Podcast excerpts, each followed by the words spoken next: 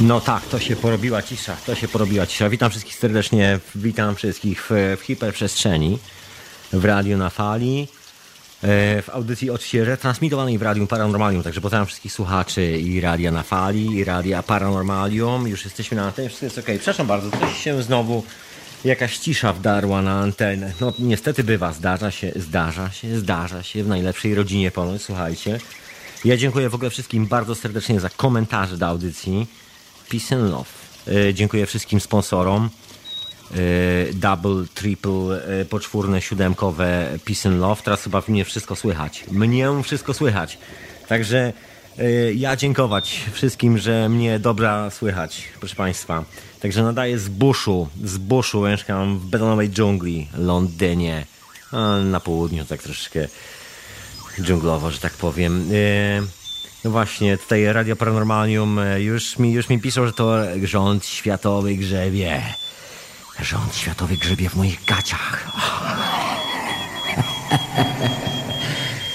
Nie, nie, nie, bez przesady, bez przesady. E, popcinałbym tasakiem. A co? No dobra, żartowałem. Wszystkim żartowałem. To nieprawda, to nieprawda. Słuchajcie, mam nadzieję, że macie dzbanek e, herbaty, dzbanek kawy, dzbanek wszystkiego, czego potrzebujecie. Oczywiście po hiperprzestrzeni będzie wieczorowa pora. A co dzisiaj oczywiście w hiperprzestrzeni, poza tym, że zaraz będę na czacie Radio na Fali. Czy wy pamiętacie adres Radio na Fali? www.radionafali.com no i tam są właśnie te fascynujące komentarze, także zapraszam serdecznie, żebyście w ogóle dołączali, żebyście wskoczyli na naszego facebookowego e, facebookowego, konia facebookowego, kurde, nie na nasze konto facebookowe, a nie konia facebookowego. Konia trojańskiego facebookowego. A ja tymczasem, borym lasem, bo dzisiaj postanowiłem postanowiłem nie dać dubska i e, mam już wszystkie, że tak powiem, zapowiedzi radiowe i z Lorem Ipsum i z teorii chaosu i nawet z hiperprzestrzeni mam zapowiedź, także generalnie mam Mam po prostu jingle do puszczenia. A co? A co? Także ja myślę, że ja po prostu puszczę jingle. Wreszcie mogę, mogę, to zrobię, no nie? A później, a później właśnie, o czym dzisiaj hiperprzestrzeń? Właśnie, tak mówię, słuchajcie, dzisiejsza hiperprzestrzeń nosi znamienny tytuł Czarne Słońce. No nie chodzi o film Czarne Słońce, oczywiście. Był, był taki, był taki, ale nie chodzi oczywiście o ten film. Chodzi o Czarne Słońce. Czy kojarzycie e, stare legendy? Będzie oczywiście bajka. Będzie trochę o prądzie elektrycznym. Co to kopie? Będzie o pasie foton. Słuchajcie, będzie dużo dzisiaj. Będzie o szyszynce dzisiaj. Będzie o substancjach psychoaktywnych. Oczywiście w hiperprzestrzeni jesteśmy, także no wiecie, czego słuchacie. I ja przypominam, że audycja jest jak najbardziej dla ludzi dorosłych. I dla takich, co to skończyli 333 lata swojego życia. Nie miałem 333 synów. Innych Innych to po prostu nie powinno być. Jeżeli tu jesteś stary, a nie masz 330 lat, get out of here. Czyli jakoś tak. Okidoki, to co? To ja może puszczę jingle i zaczynamy tę, tą jakże eks, ekscytującą hiperprzestrzeń, słuchajcie, o czarnym słońcu. Pamiętacie legendy roku 2012, legendy, takie opowieści, przepowiednie? Co się stanie, co się stanie? No jest jedna bardzo ciekawa teza i to właśnie troszeczkę na ten temat, troszeczkę na ten temat. A my nie dość, że w lesie, to jeszcze posłuchamy dżingli. To posłuchajmy.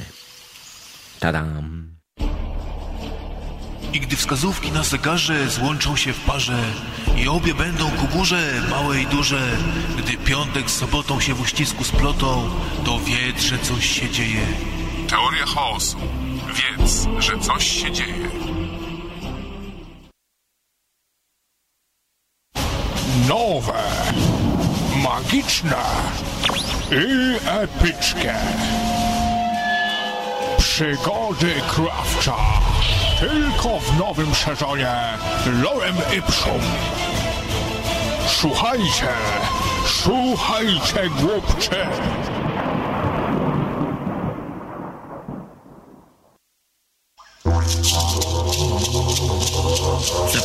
Serdecznie na audycji Hiperprzestrzeń w każdą sobotę o godzinie 23.00. Zróbcie sobie dzbanek kawy i przygotujcie się, że zostaniecie z nami do rana się ze mną. I ja, Tomek. To think for yourself and question authority. Radio na fali. Hiperprzestrzeń. Do usłyszenia w każdą sobotę o godzinie 23. Turn on.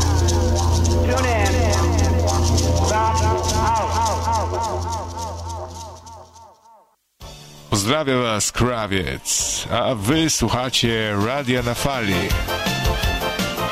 Te, panie, a co pan jesteś, jakiś Krzysztof Krawczyk, że z- pan z siebie takiego gwiazdora robisz? Od wujka to się pan odpierdol. Radio na Fali was zwali. Dokładnie. To już wszyscy wiedzą, co mają zrobić na temat wujka i co ja myślę na temat wujka. Pozdrawiam wujku. Pozdrawiam bardzo serdecznie. E, to ja Tomek oczywiście. A wysłuchajcie hiperprzestrzeni. Hiperprzestrzeń. W radiu na fali, retransmitowana w Radiu Paranormalnym nie tylko. Właśnie, czy ja powiedziałem, że dziękuję wszystkim sponsorom Radia na Fali, że zakładka wspiera i sponsoruje, proszę Państwa. Niech fortuna toczy się wielkim kołem. Niech po prostu będzie jak wodospad. Niech, e, niech fortuna nigdy, nigdy nie opuszcza tego statku radia na fali. Ja oczywiście w ręku mam herbatę zieloną. Żeby nie było, że coś tam. Bardzo polecam oczywiście każdemu. Bardzo polecam. No to co? To dzisiaj, słuchajcie, dzisiaj o czarnym słońcu. No właśnie, o czarnym słońcu. Na pewno pamiętacie wszystkie te opowieści z roku 2012, że będzie wielki, wielka zmiana i tak dalej. Już nie będę powtarzał tych wszystkich rzeczy. Jest parę audycji, hiperprzestrzeni na ten temat, gdzie właściwie troszeczkę, no nawet nie trochę, nawet całkiem sporo na ten temat. Jest masa różnych hipotez. No jest taka główna hipoteza, o której było, o której już wcześniej wspominałem, wspominałem, wspominałem nie raz, nie dwa lubiana przeze mnie. Jest to hipoteza związana właśnie z pasem fotonów, z galaktyką, która pędzi i wpada w kolejną część kosmosu, która jest ogarnięta inną energią. Troszkę jakby wlecieć z jednej chmury w drugą chmurę. Dokładnie. Po prostu żyjemy w chmurach, słuchajcie. Marzyciele. Ludzie w chmurach. No jest wiele teorii na ten temat. Ale może zacznijmy od legendy, od legend, od legend, od e, starożytności. Jest, taki, jest taka postać, która się nazywa Robert e, Soch. PhD. Jest taki bardzo słynny geolog. Człowiek, który właściwie napisał, jest słynny dlatego, że napisał książkę na temat Sfinksa, a jest takim bardzo ortodoksyjnym panem geologiem uniwersyteckim. Gdzieś tam z, Ameryki, nie wiem. E, Podrzucę oczywiście linki, proszę Państwa, proszę Państwa, powrzucę wszystkie, powrzucam wszystkie linki, zaraz będę na czacie. Dobra, dobra, koniec, koniec o czacie, koniec o linkach, wszystko będzie. Proszę się nie denerwować, proszę łyknąć herbaty, albo kawy, albo zapalić sobie jakiegoś dobrego zioła. Nie pić Coca-Coli i nie jarać fajek. Alkohol też nie jest najlepszym pomysłem. Ale ziółko, proszę Państwa, no właśnie.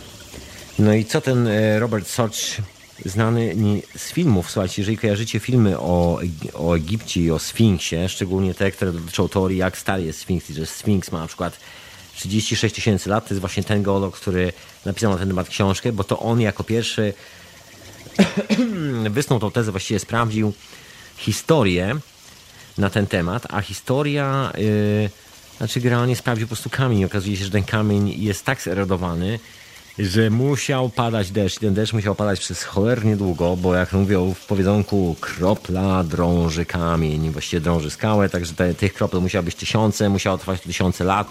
Od czasów, kiedy my znamy Saharę, była pusta jak e, moja kieszeń, bym powiedział, ale go wpłacajcie na radio na fali, przypominam. Dokładnie. I z tej okazji stwierdził, że trzeba wobec pełni się zadawać sprawy, że to nie jest kwestia, że ktoś sobie coś zapisał i ktoś tam powiedział, to ja wybudowałem, to moje, to moje. Może się okazuje, że wcale nie twoje, kolego, wcale nie twoje, tylko się okazuje, że należało do pradziadka. Dlatego te nogawki za krótkie w tych spodniach i w tej marynarce. Dokładnie o to chodziło. No i o czym mówią te wszystkie starożytne rzeczy? Jak zwykle mówimy o tym, że są spozycjonowane na niebo, na konkretne gwiazdozbiory, na konkretne sytuacje, które się wydarzają i to nawet nie tyle na gwiazdozbiory, i na konkretne momenty, czyli że my musimy stanąć w punkcie X, Y, Z, obrócić się w lewo, tak, że można splunąć za ramię no, na wschodniej stronie wzgórza. Nie, no, trzeba być po prostu bardzo precyzyjnie ustawionym w konkretnym momencie w czasie i przestrzeni.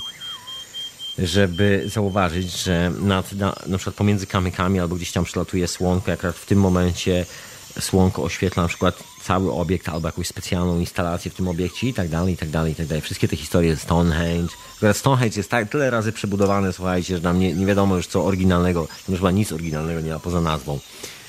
Znaczy poza kamieniami, one są betonowane, nie wiem czy wiecie od nowa jeszcze raz.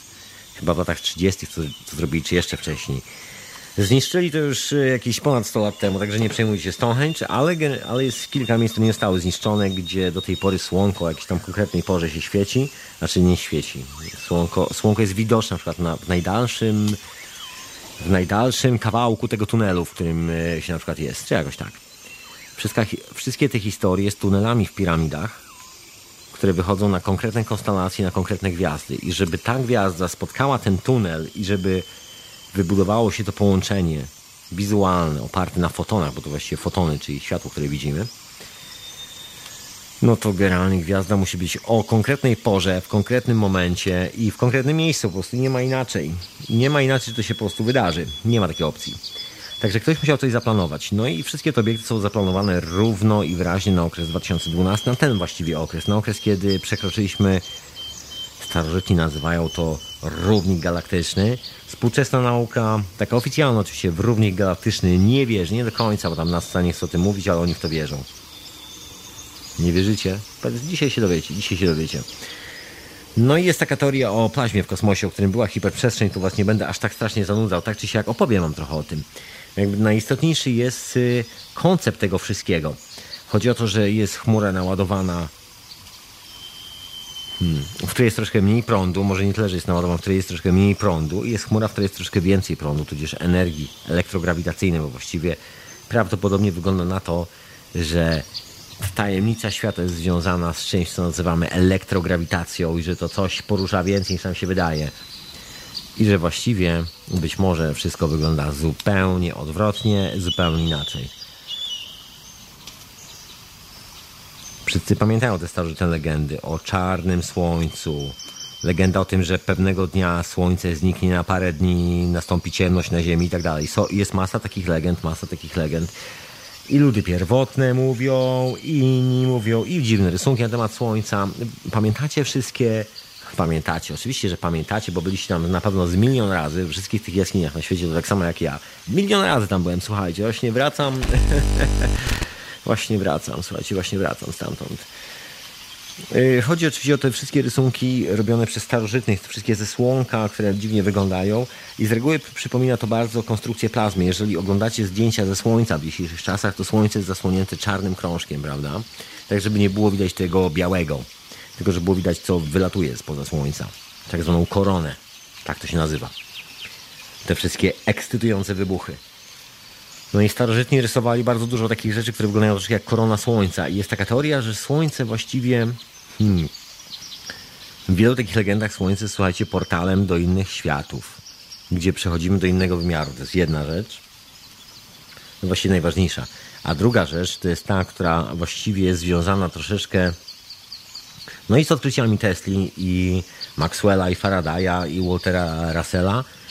No to jest historia i no i nie tylko, no ale to powiem trochę więcej o tym. No to jest historia o tym, że Słońce prawdopodobnie, wbrew temu co mówi oficjalna teoria, czyli że jest to termonuklearna fuzja, która nieusta- nieustannie trwa, Słońce jest po prostu puste w środku. To się nazywa hollow, czyli jest puste, tak jak znacie teorię o pustej Ziemi. Tak jest teoria o pustym Słońcu, proszę Państwa. Także dzisiaj o tym, jak to jest związane z naszym organizmem i czy w ogóle ta teoria ma jakiekolwiek pokrycie z czymkolwiek. Czarne słońce.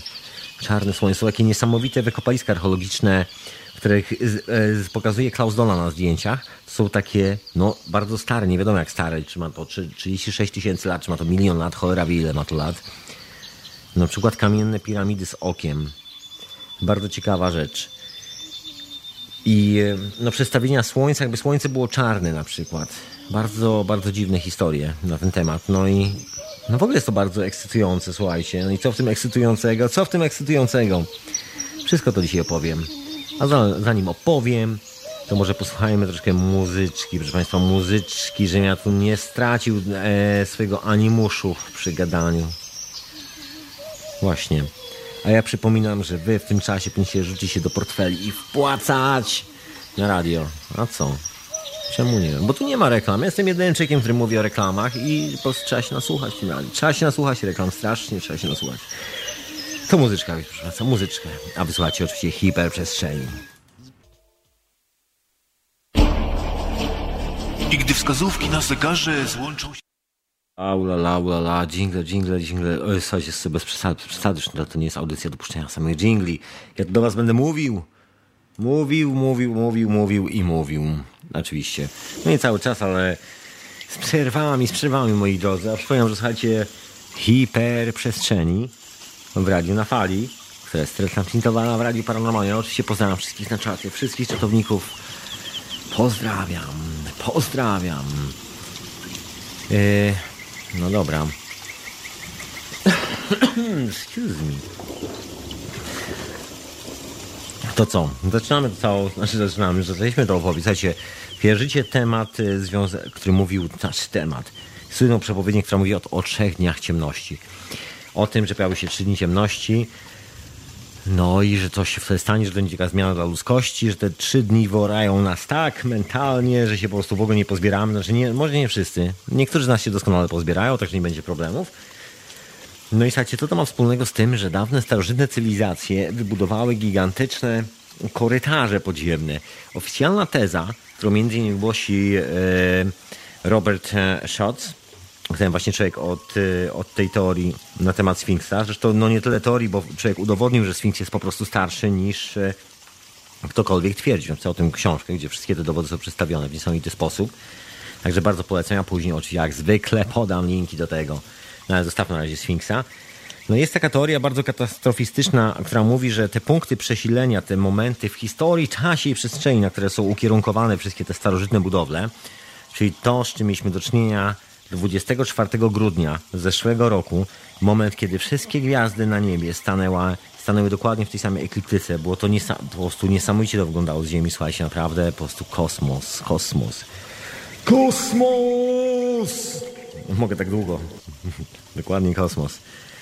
I, I co z tym? No nie było trzech dni ciemności, nic takiego się nie stało, a legendy mówią o tym. Słuchajcie, no jest, jest kilka pomysłów na ten temat. No i powiem wam, że być może te trzy dni ciemności, być może mogą się wydarzyć. Jest, jest to całkiem prawdopodobne. Nie jest to być może coś, co wydarzy się teraz, tu i, i za chwilę, ale być może ten moment nadchodzi. Być, a być może nie, słuchajcie. No jest to taki, e, jest taka ekstrawagancka teza, ekstrawagancka, ale zaraz wam powiem, na czym w ogóle bazuje ta teza, bo być może no brzmi ekstrawagancko, ale jak na ironię ekstrawagancka nie jest. A ma wiele wspólnego z taką normalną, twardą fizyką. Pierwszy, pierwszy eksperyment z tej fizyki, właściwie urządzenie, o które, które dobrze było rzucić okiem, nazywa się tuba Glasiera. Ges, Gesslera, przepraszam, tuba Geislera. Co to jest? To jest rodzaj lampy, którą no, koleś generalnie wymyślił lampę w 1857 roku. No to dawno temu, bo jakieś 150 lat temu, wymyślił lampę, no i ta lampa po prostu świeci. No i lampa jest niesamowita. I świeci, chociaż no, w środku nie ma niczego, po prostu jest to puste, puste coś. Puste coś. Niesamowite. Ja oczywiście już wklejam linki, już wklejam linki do tych wszystkich lamp. No i co to ma wspólnego z pustym, naszym pustym słońcem, prawda? No już wam, już wam mówię, słuchajcie, bo te wszystkie lampy pokazują taką niesamowitą rzecz. Pokazują światło, świecą, chociaż są puste w środku, teoretycznie według tej zasady, o której mówi współczesna fizyka i współczesna mainstreamowa nauka, w środku tych lamp powinna nastąpić eksplozja termonuklearna i każdy wynalazca tej lampy zostać zmieciony z powierzchni Ziemi w ciągu ułamka sekundy, a wszyscy dookoła napromieniowani. Niczym atol Murloa. Niestety tak się nie dzieje, albo stety. Słuchajcie, w tych lampach jest zimno, wszystko jest elegancko i one świecą. Najlepsza jest lampa faceta, który się nazywa Krokes. To jest lampa Krokesa. I to jest lampa, która w ogóle została zainspirowana rysunkiem na ścianie w starożytnej egipskiej i my to nazywamy świątyni. Egipcjanie ponoć mówili, że to jest dom zasady. Nie nazywali, świąt, nie nazywali tych budynków świątyniami, tylko mówili, że to jest dom zasady. Dom, który reprezentuje pryncypia zasady. Tak słyszałem. Słuchajcie, nie wiem, nie wiem, nie wiem, ale coś mnie swędzi tutaj, że myślę, że tak. No o tym wszystkim, e, o Egipcjanach może kiedy indziej wrócimy do tego tematu. No i o co chodzi? Pomysł jest taki, że mamy do czynienia z czymś, co świeci w powietrzu, czyli z takim kosmicznym zjawiskiem. Po prostu jest coś, generalnie powietrze, i jak się zastosuje odpowiednie, odpowiednią różnicę potencjałów elektrycznych, elektrograwitacyjnych właściwie, to nagle się okazuje, że powietrze samo z siebie świeci. No i nie świeci tak po prostu samo z siebie, tylko jest, jeżeli spojrzycie na przykład na płomień świecy, wygląda to niesamowicie, bo płomień świecy, hmm, dookoła świecy jest po prostu kulka. Tam się nic nie pali. Pali się osłonka dopiero i ta osłonka generuje, robi te całe światło. I to jest fenomen. Tam po prostu nic nie ma, to jest puste. No i teraz jak spojrzeć na nasze Słońce? Być może to jest to. Słyszeliście kiedyś o zjawisku interferencji fal. Interferencji fal. Więc jest taka bardzo śmiała teoria.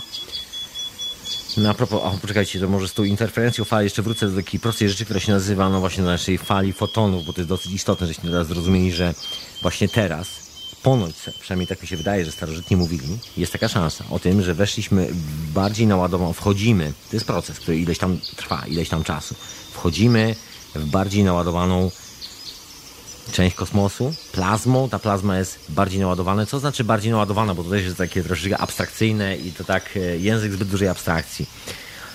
To znaczy, że jest zjawisko, głupie słowo, ale słuchajcie, no bardzo naukowe, zjawisko propagacji, czyli przenoszenia się. To jest jak efekt domina. Jeżeli postawicie domino jedno obok drugiego, to odległość między dominami musi być taka, żeby jedno popchnęło drugie, prawda? No i to się nazywa propagacja. Jeżeli macie na przykład taką siatkę zbudowaną z domina, no to popychając jedno, automatycznie po prostu przesuwacie wszystkie te informacje o tym, że coś się zmieniło, ten stan nachylenia pola i tak dalej, i tak dalej, jest przekazywana dalej. Efekt domina. Też można powiedzieć. To jest dokładnie propagacja, czyli to jak się to rozsiewa. To są słynne teorie o teorii organu, że to jest właśnie pole organowe, w którym, w którym następuje owa propagacja, czyli przenoszenie tej, tej informacji. No i w pasie fotonów tej energii jest po prostu więcej. W ogóle tak w powietrzu, który człowiek oddycha, no w ogóle w świecie dookoła nas. Po prostu więcej prądu. My tego oczywiście nie zauważamy, bo to się dzieje z taką prędkością, że my jesteśmy poza tą prędkością, ale, ale abstrakt, prawda? No ale mniejsza o to, słuchajcie. Tej energii jest na tyle więcej, że ta propagacja następuje o wiele szybciej, jest po prostu o wiele intensywniejsza. Tak zwyczajnie. Przez to na przykład w ogóle procesy się szybciej odbywają, przez to wiele się dzieje się w ogóle innych rzeczy i przez to na przykład jest większe zjawisko występu, bo dookoła nas występuje jeszcze dodatkowe zjawisko oprócz propagacji, czyli przenoszenia się cząsteczek, zjawisko tak zwanej interferencji, czyli odbijania się czegoś od ściany do ściany. Przysłowiowa kwestia piłki ping-pongowej. No jeżeli mamy taką bardziej zwartą strukturę, która sama w sobie ma swój rezonans, bo trzeba pamiętać, że w ogóle jest, że według tej teorii kosmos ma swoje własne drganie, czyli kosmos ma swoją własną częstotliwość, czyli coś, co się samo stabilizuje. Czyli jeżeli, no to trochę jakbyśmy na przykład z wody, takiego basenu, w którym jest woda, wskoczyli do basenu, w którym jest żel, gdzie ta struktura jest o wiele bardziej stabilna, że tak powiem, bardziej sklejona ze sobą, mm, mniej rozpadająca się, no mniej, że tak powiem, mniej tam grawitacji bym powiedział. Mniej tam grawitacji i mniej tam prądu elektrycznego. Właśnie może w ten sposób. Albo w drugą stronę właśnie. No właśnie. No ale granie ma swój własny osobny balans. No i, i do tego wszystkiego dochodzi bardzo ciekawe zjawisko, które się nazywa, no, które się nazywa po prostu rezonansem elektromagnetycznym, moi drodzy. Każdy lekarz o tym doskonale wie, występuje w ludzkim sercu, a oprócz tego, że występuje w ludzkim sercu, występuje w ludzkiej głowie. I to jest kolejna rzecz, która jest dosyć intrygujące, jeżeli spojrzymy tak ogólnie na tą teorię właśnie czarnego słońca, że pewnego dnia, tak jak mówią te wszystkie starożytne kultury, być może słońce zniknie. Hmm, czy słońce zniknie? Bo co jeżeli jest słońce właśnie spuste w środku, tak jak, tak jak mówią te wszystkie szalone pomysły matematyków, Maxwella, właściwie inżynierów, elektryków, Faradaya, Waltera Russella, Tesli, na temat Słońca, co to ma wspólnego z, z falami, interferencjami i w ogóle naładowaną energią. Co to ma wspólnego? Słuchajcie, bardzo proste. Wyobraźcie sobie, że wszystko, y, no żyjemy w przestrzeni trójwymiarowej, przynajmniej tak fizycznie. Przypuśćmy sobie dla uproszczenia, że są trzy rodzaje fal. Przypuśćmy, że jest to jezioro i są, każdy z nas ma po jednym kamieniu, jest nas trójka. Każdy może rzucić tym kamieniem w jezioro, zrobić fal na tym jeziorze. Jasne? Jasne. Jeżeli wrzucimy wszyscy w tym samym momencie, no może być troszkę później, trochę wcześniej, ale granie dobrze było jakby, jakby blisko. Jeżeli ten interwał będzie dokładnie ten sam, czyli w tej samym czasie, a mamy na przykład więcej niż jeden kamień, to mamy na przykład cztery i zaczniemy, każdy z nas będzie wrzucał dokładnie kamień w tym samym momencie, będziemy wszyscy razem wspólnie wytwarzali fale. Jeżeli staniemy, co, utworzymy koło, albo staniemy coś w rodzaju na kształt trójkąta, proszę Państwa, to tam, gdzie te fale się spotkają na środku, zanikną. Fale po prostu kompletnie znikną. I tam się pojawia taki charakterystyczny, miliony razy fotografowany, bardzo popularne zdjęcie na wygaszarzach ekranu, taki plunk wody, gdzie woda skacze kropelka do góry, jakby chciała się oderwać od ziemi i uciec z grawitacji.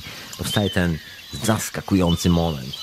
Słuchajcie, są, są takie maszyny w wieku, w XVIII wieku i XVII, właściwie bardziej XVIII. Wszyscy ci szaleni dżentelmeni, którzy robili te eksperymenty naukowe na temat e, prądu, na temat dźwięku, na temat fal, na temat orgon, ozonu, właściwie nie ozonu, co ja mówię, nie organu, tylko eteru, pola eteru dokładnie. Budowali takie dziwne maszyny, którymi, którymi w ogóle badali te wszystkie interwały. Dam książki troszeczkę na ten temat. Yy, to się nazywały harmoniczne. No i generalnie budowali maszyny, które te harmoniczne na przykład rysowały.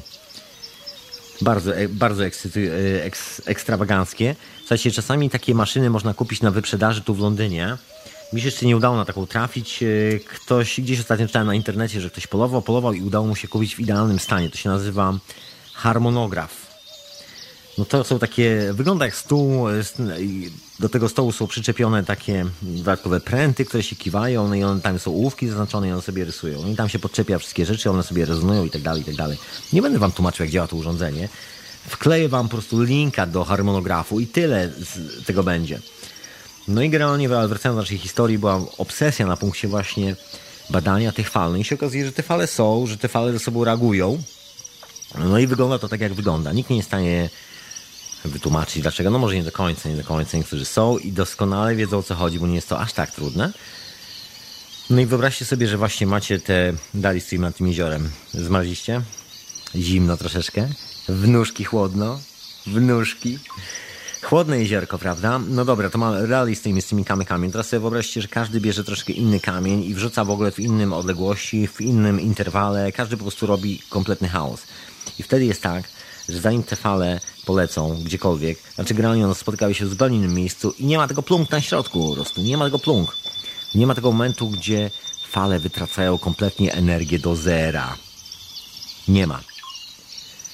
No a co to jest ten moment wytracany do zera? To jest moment właściwie balansu, słuchajcie, bo z jakiegokolwiek punktu spojrzycie na to, to jest moment, kiedy wszystko jest ok, kiedy jest wspólna fala i kiedy ta fala jest powtarzana, to co mamy? To mamy cykl, mamy częstotliwość, mamy coś, co nazywamy popularnie manifestowaniem się energii w jakimś tam konkretnym interwale, czyli bang, bang. Jakbyśmy zamienili to na prąd elektryczny, to było światełko, które co chwilę mruga. Dokładnie tak. Natomiast jeżeli każdy z nas wyrzuci ten kamień w innym, w innym e, interwale, znaczy każdy jeden o 3 sekundy później, kolejny o 7 sekund później i tak dalej, tego prądu po prostu nie będzie, bo te fale się nie spotkają razem, one siebie miną, gdzieś tam może się wzmocnią, odbiją, polecą dalej i tego efektu już nie będzie. No i to jest ten. No i to jest ta teoria, proszę Państwa, na temat tego, jak to wyjaśnić granie w takich najprostszych trzech wymiarach z trzema kamykami. No i teoria, y, teoria na temat w ogóle zaginania się przestrzeni mówi o tym, że w momencie, kiedy fale się spotykają, kiedy ta kropelka wskakuje w górę, to jest moment załamania się czasoprzestrzeni, następuje coś w rodzaju, no, w rodzaju. Dobra, powiem wam tak, współczesna nauka nazywa to plazmą, dokładnie, tak to się nazywa. Ten moment to jest plazma i tak się, no, i tak się o tym mówi, proszę Państwa. Ja tu mam troszkę rysunków. e, No jest to trochę związane e, troszeczkę. Co tu się. No właśnie. Niepokorne kable. Słuchajcie, w alchemii jest bardzo podobny termin na to. Nazywa się to wesele, tak zwane alchemiczne wesele, czyli suma trzech elementów, które się nakładają na siebie i tworzą pattern. I ten pattern jest na tyle mocny, że on się już sam siebie duplikuje. To troszkę jak. e, jak informacja w polu morfogenetycznym przy budowie się kryształu. Po prostu niesamowita historia. Nikt nie wie, jak to wyjaśnić. Znaczy, no nie do końca może nikt nie wie. Ja się będę próbował wam wyjaśnić troszkę na ten temat. No i co, o co chodzi z tym czarnym słońcem? To jest najzwyczajniej ujmując, jeżeli fale na siebie się nakładają, to my nie widzimy nic. Dla nas jest to po prostu niewidoczne, dla nas jest to po prostu dziura. Jeżeli fale na siebie się nałożą, to może zniknąć coś, co nazywamy, falą fotonów. Bo jeżeli wystrzelimy drugą dokładnie taką samą falę w tym samym kierunku i te fale się spotkają po środku, to się wytłumią najzwyczajniej w świecie. Jak się wytłumią, to co? No to sygnał przestanie być dla nas widoczny. To po prostu sygnał przechodzi w inną szerokość spektrum, jak to się mówi, czy jakoś tak. Nie, nie wiem, czy ja za bardzo nie zamieszałem. Mam nadzieję, że wszyscy jesteście tak naukowi, że po prostu jesteście strasznie naukowi, że wszyscy mają tam zeszyciki, kajeciki, sobie notują te wszystkie rzeczy, co ja tutaj mówię. Notują. No generalnie po prostu chodzi o to, że wyobraźmy sobie, że na środku jeziora jest to nasze słoneczko i jak wrzucamy te kamyki regularnie wszyscy razem, to może być tak, że kiedy jest to plumk na środku, to właśnie wtedy nie widzimy równej tafli. Widzimy tylko coś, co wyskakuje ponad taflę. Albo widzimy dołek. Coś nam znika. Generalnie nie jest to stały obraz, prawda? Bo normalnie woda jest płaska na przykład, bez żadnej fali. Taki fenomen, taki fenomen. No i jest generalnie taki pomysł, że ta fala fotonów, że ten pas fotonów to jest tak zagęszczony energią, powoduje, że generalnie w ogóle to cała energia się troszkę bardziej stabilizuje i dzięki temu ten cykl, jak, wpada, jak coś wpada w równy cykl, to dostaje tego potencjału, że może właśnie robić ten ping, ping, ping, ping. I jak robi to ping, to coś, co jest ten ping, może nam zniknąć na moment z oczu, bo przenosi się do innego wymiaru. Jak? Nikt nie jest w stanie tego wytłumaczyć. A może jest, a może są. Słuchajcie, byli ludzie i dalej są ludzie, którzy wiedzą, jak to robić. Bo to się, tak jak mówiłem, nazywa plazma. Słyszeliście na pewno o fundacji Keshe. To jest człowiek, który się tym zajmuje. Wielu wynalazców, wiele silni silników, o których się mówi, że są tak zwane silniki free energy, właśnie wykorzystują dokładnie ten moment. Ten moment. Nie jest to żaden magiczny moment. No ja tak mówię, że magicznie nikt nie wie. Nie, nie, bzdura, słuchajcie, wiadomo na ten temat doskonale od 200 lat, co się dokładnie w tym momencie dzieje. To jest w ogóle fenomen. Od 200 lat jest to naprawdę oficjalna informacja, jest to zapisane nawet w, bi w Bibliotece Uniwersytetu Cambridge, gdzie są oryginalne prace Maxwella na ten temat oraz prace Faradaya. Tadam! I to sobie od 200 lat leży sobie w książkach opisane. Ciekawe. Ciekawa teoria. No wcale nie tak młoda, jak się okazuje. Czarne słońce. To ja może przestanę gadać na parę chwil i po prostu włączę muzyczkę jakąś, żeby nie było, że to czarne słońce, po prostu czarne słońce i czarne słońce. To znaczy, jest puste w środku, bo dokładnie właściwie o to chodzi. A teraz, a teraz, yy, no teraz to ja już w ogóle, co ja w ogóle robię, słuchajcie. Co ja w ogóle robię, słuchajcie. Okej, jestem w właściwym kierunku i muzyczka do nas. Tak, tak, tak, a oczywiście słuchacie radia na fali, radia na fali jak najbardziej. Na audycji oczywiście hiperprzestrzeń, retransmitowanej w Radiu Paranormalium. E, właśnie, właśnie, proszę Państwa, to wracam do tej, tej historii o tych czarnych słońcach, o tym, czy coś zniknie z nieba, o, o naszej percepcji, o no, wielu rzeczach, o wielu rzeczach, bo jak się okazuje, jest to bardzo holistyczna historia, przynajmniej no przynajmniej na taką wygląda. Słuchajcie, no i co z tą, tłumacząc już tak do końca, ostatni raz, o co chodzi z tą falą fotonów, jaki to ma wpływ na naszą głowę i co się może z tym dziać, myślę, że najlepszym przykładem jest eksperyment, który wykonano, żeby zabawniej było w Ameryce, na Uniwersytecie Yale. Nie pamiętam w tym momencie nazwiska. Chodziło, y, jest to eksperyment na temat pól morfogenetycznych. Dokładnie, dokładnie tych samych pól morfogenetycznych, o których mówiłem w poprzednim odcinku hiperprzestrzeni. No i eksperyment polega na uczeniu, na sprawdzaniu tego, czy ludzie się na przykład uczą języka, korzystając z informacji zawartej w polu morfogenetycznym dookoła. No i tłumacząc, jak. No i chodziło o naukę języka starohebrajskiego, który jest właściwie bardziej obrazkami dla wszystkich niż jakimkolwiek językiem. No i brało się, bo tego to nikt nie wie, co to w ogóle jest. No, tak normalnie, no bo kto zna taki język, słuchajcie, kto to w ogóle zna? Nikt, prawie nikt. No i fenomen polegał na tym, że ludzie jakby bardziej zgadywali, dawano próbki tekstu ludziom, którzy nigdy w życiu tego na oczy nie widzieli. No, no i okazywało się, że procent tego, ilu, ile zga, pra, prawidłowych odpowiedzi było po prostu niesamowite. Właśnie po tym, jak ktoś przed nimi nauczył się tego języka i wprowadził tą informację do głowy. Jak ktoś jeszcze przed nimi przeczytał, rozwiązał, to każdy kolejny też właściwie automatycznie jakby automatycznie jakby znał ten język od dzieciństwa, proszę Państwa. Takie historie. Także można się nauczyć języka w ten sposób, jeżeli dużo ludzi mówi tym językiem dookoła Was, na przykład używa czegoś w konkretny sposób, jakiejś konkretnej metafory, nazwy i tak dalej, to się okazuje, że ta informacja w polomorfogentycznie się rozchodzi, każdy się szybko uczy. Tak więc co może się zdarzyć w takiej fali fotonów, gdzie tak, tak, ta, ta, tak zwana propagacja owego eteru jest o wiele większa, teoretycznie. I równiejsza i stabilniejsza, kiedy te fale się nachodzą na, na wszystkie na siebie, no to generalnie ta informacja przede wszystkim wędruje o wiele szybciej i występuje zjawisko kwantowe, no bo jeżeli ta informacja się pojawia dokładnie w tym samym rezonansie, bo czym jest informacja? Jest konkretnym rezonansem o konkretnym natężeniu elektrograwitacyjnym, które jest na konkretnym urządzeniu zwane naszym mózgiem, odczytywane tak, a nie inaczej, tu jest naszej świadomości albo cokolwiek by to nazwać. Także słuchaj, no niesamowita sprawa, moi, dro moi drodzy, słuchajcie. I to wszystko oznacza, że mniej więcej w takiej fali eteru powinniśmy, znaczy w takiej plaźmie naładowanej pozytywnie, znaczy pozytywnie, po prostu mocniej naładowanej, powinniśmy się uczyć o wiele szybciej, czyli te informacje o wiele szybciej i celniej dochodzi do głowy. Ona się pojawia automatycznie w naszej głowie, czyli generalnie jesteśmy mądrzejsi. Jest ciekawy, ciekawa historia z NASA, która wyrzuciła ten swój nieszczęsny, szczęsny, zabłąkany, zabłąkaną satelitę, żeby ona sobie poleciała daleko w kosmos. I to jest ta, na której są rysunki ludzi, tak, podnoszących ręce, mówiących hello, hi. Płyta nagrana na złocie, tam gdzie jest cała historia świata wystrzelona w latach 70. No i, no i co z tego? Wyrzucili to w kosmos, proszę ja was, wyrzucili.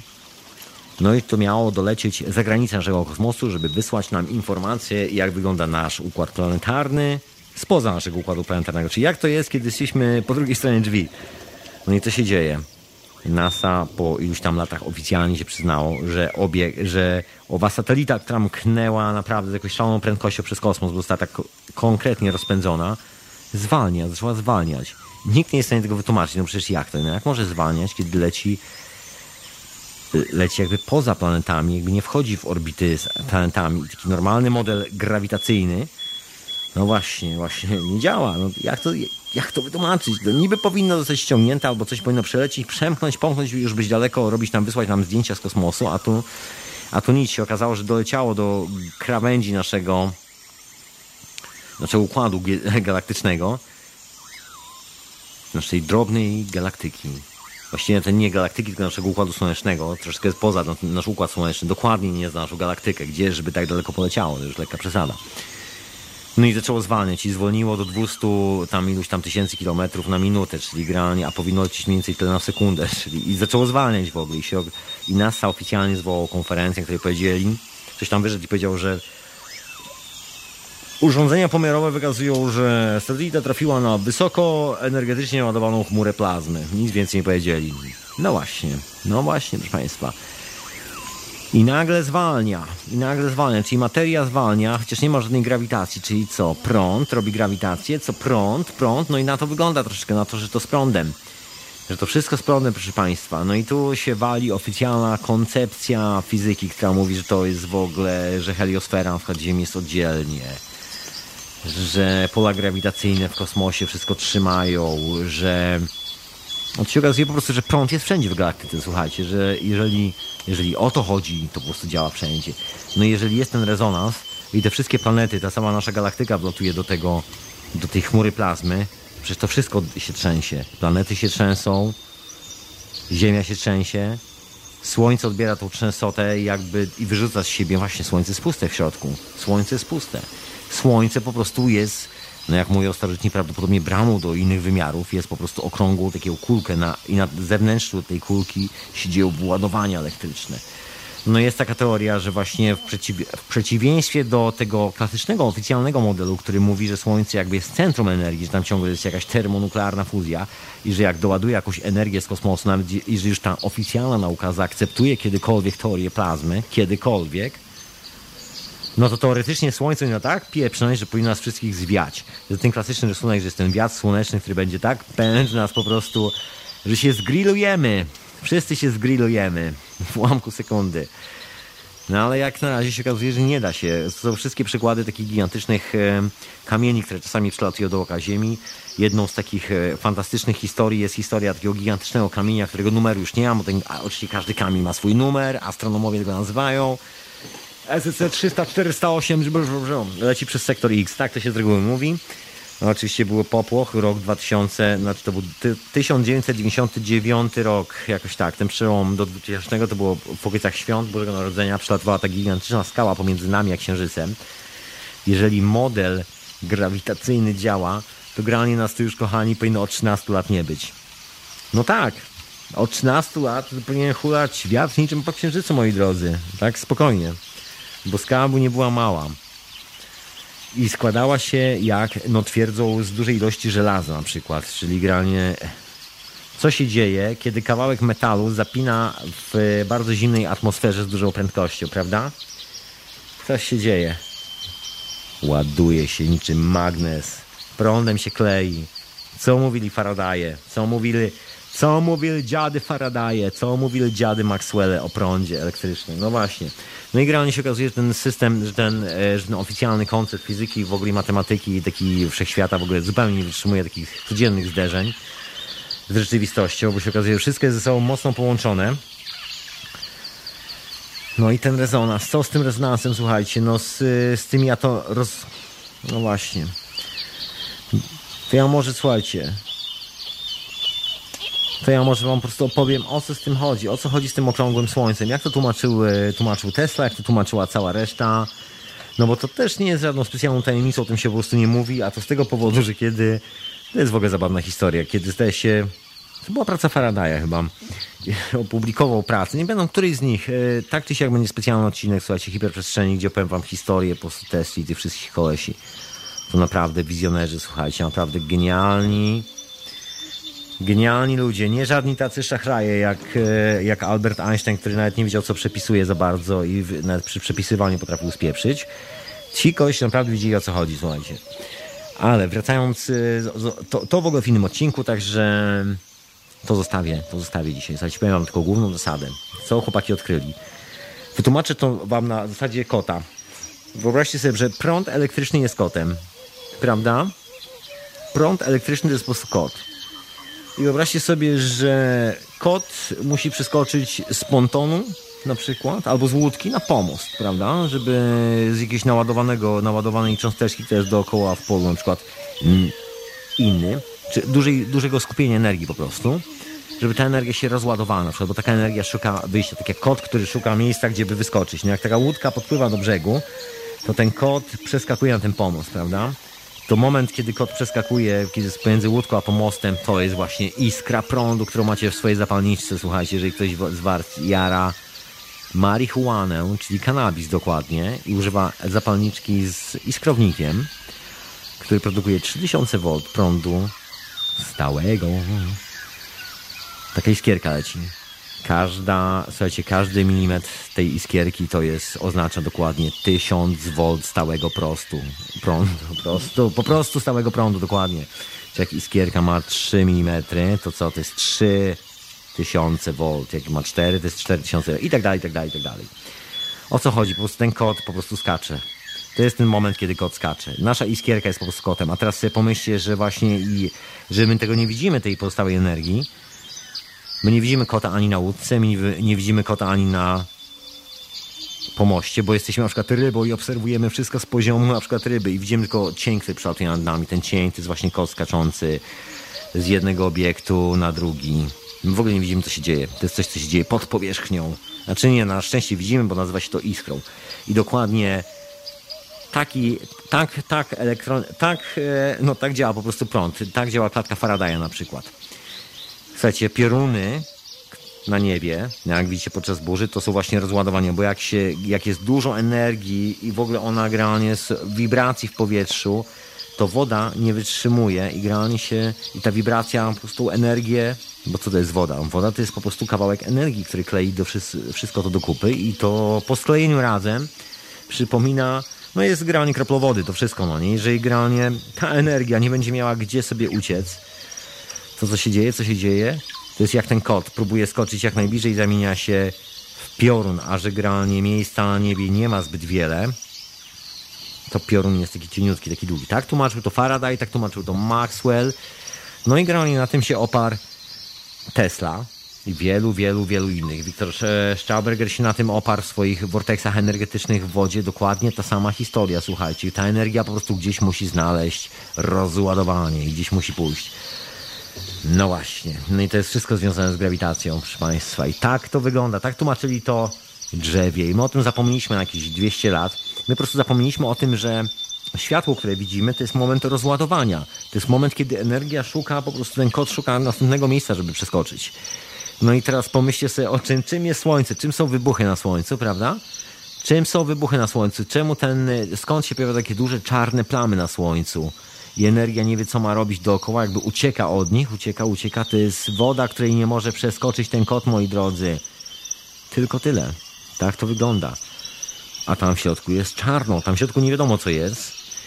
Tam w środku, jak mówią, legendy mówią. Mi się najbardziej podoba, jak mówią legendy, bo legendy mówią, że tam w środku jest brama do innego wymiaru i na przykład takie rysunki w Egipcie pokazują tych wszystkich starożytnych bogów w specjalnych pozach z rękami złożonymi w kierunku słońca, ora, Bogu nieba, który przychodzi do nas, słynne historie, które mówią o tym, że UFO wylatuje ze słońca. No właśnie. Ale co to ma wspólnego z naszą głową jeszcze, słuchajcie? Co to ma wspólnego? Bo co by tu nie mówić, nasze połączenia neuronowe dokładnie pracują w ten sam sposób i e, polega na tym, że do końcówki, końcówki połączenia neuronowego w naszej głowie dostaje się substancja, która jest potencjałem elektrycznym, która pierw dostaje się przez krew i tak dalej, i tak dalej i w dziwny sposób zamienia się w coś, co nazywamy molekułą.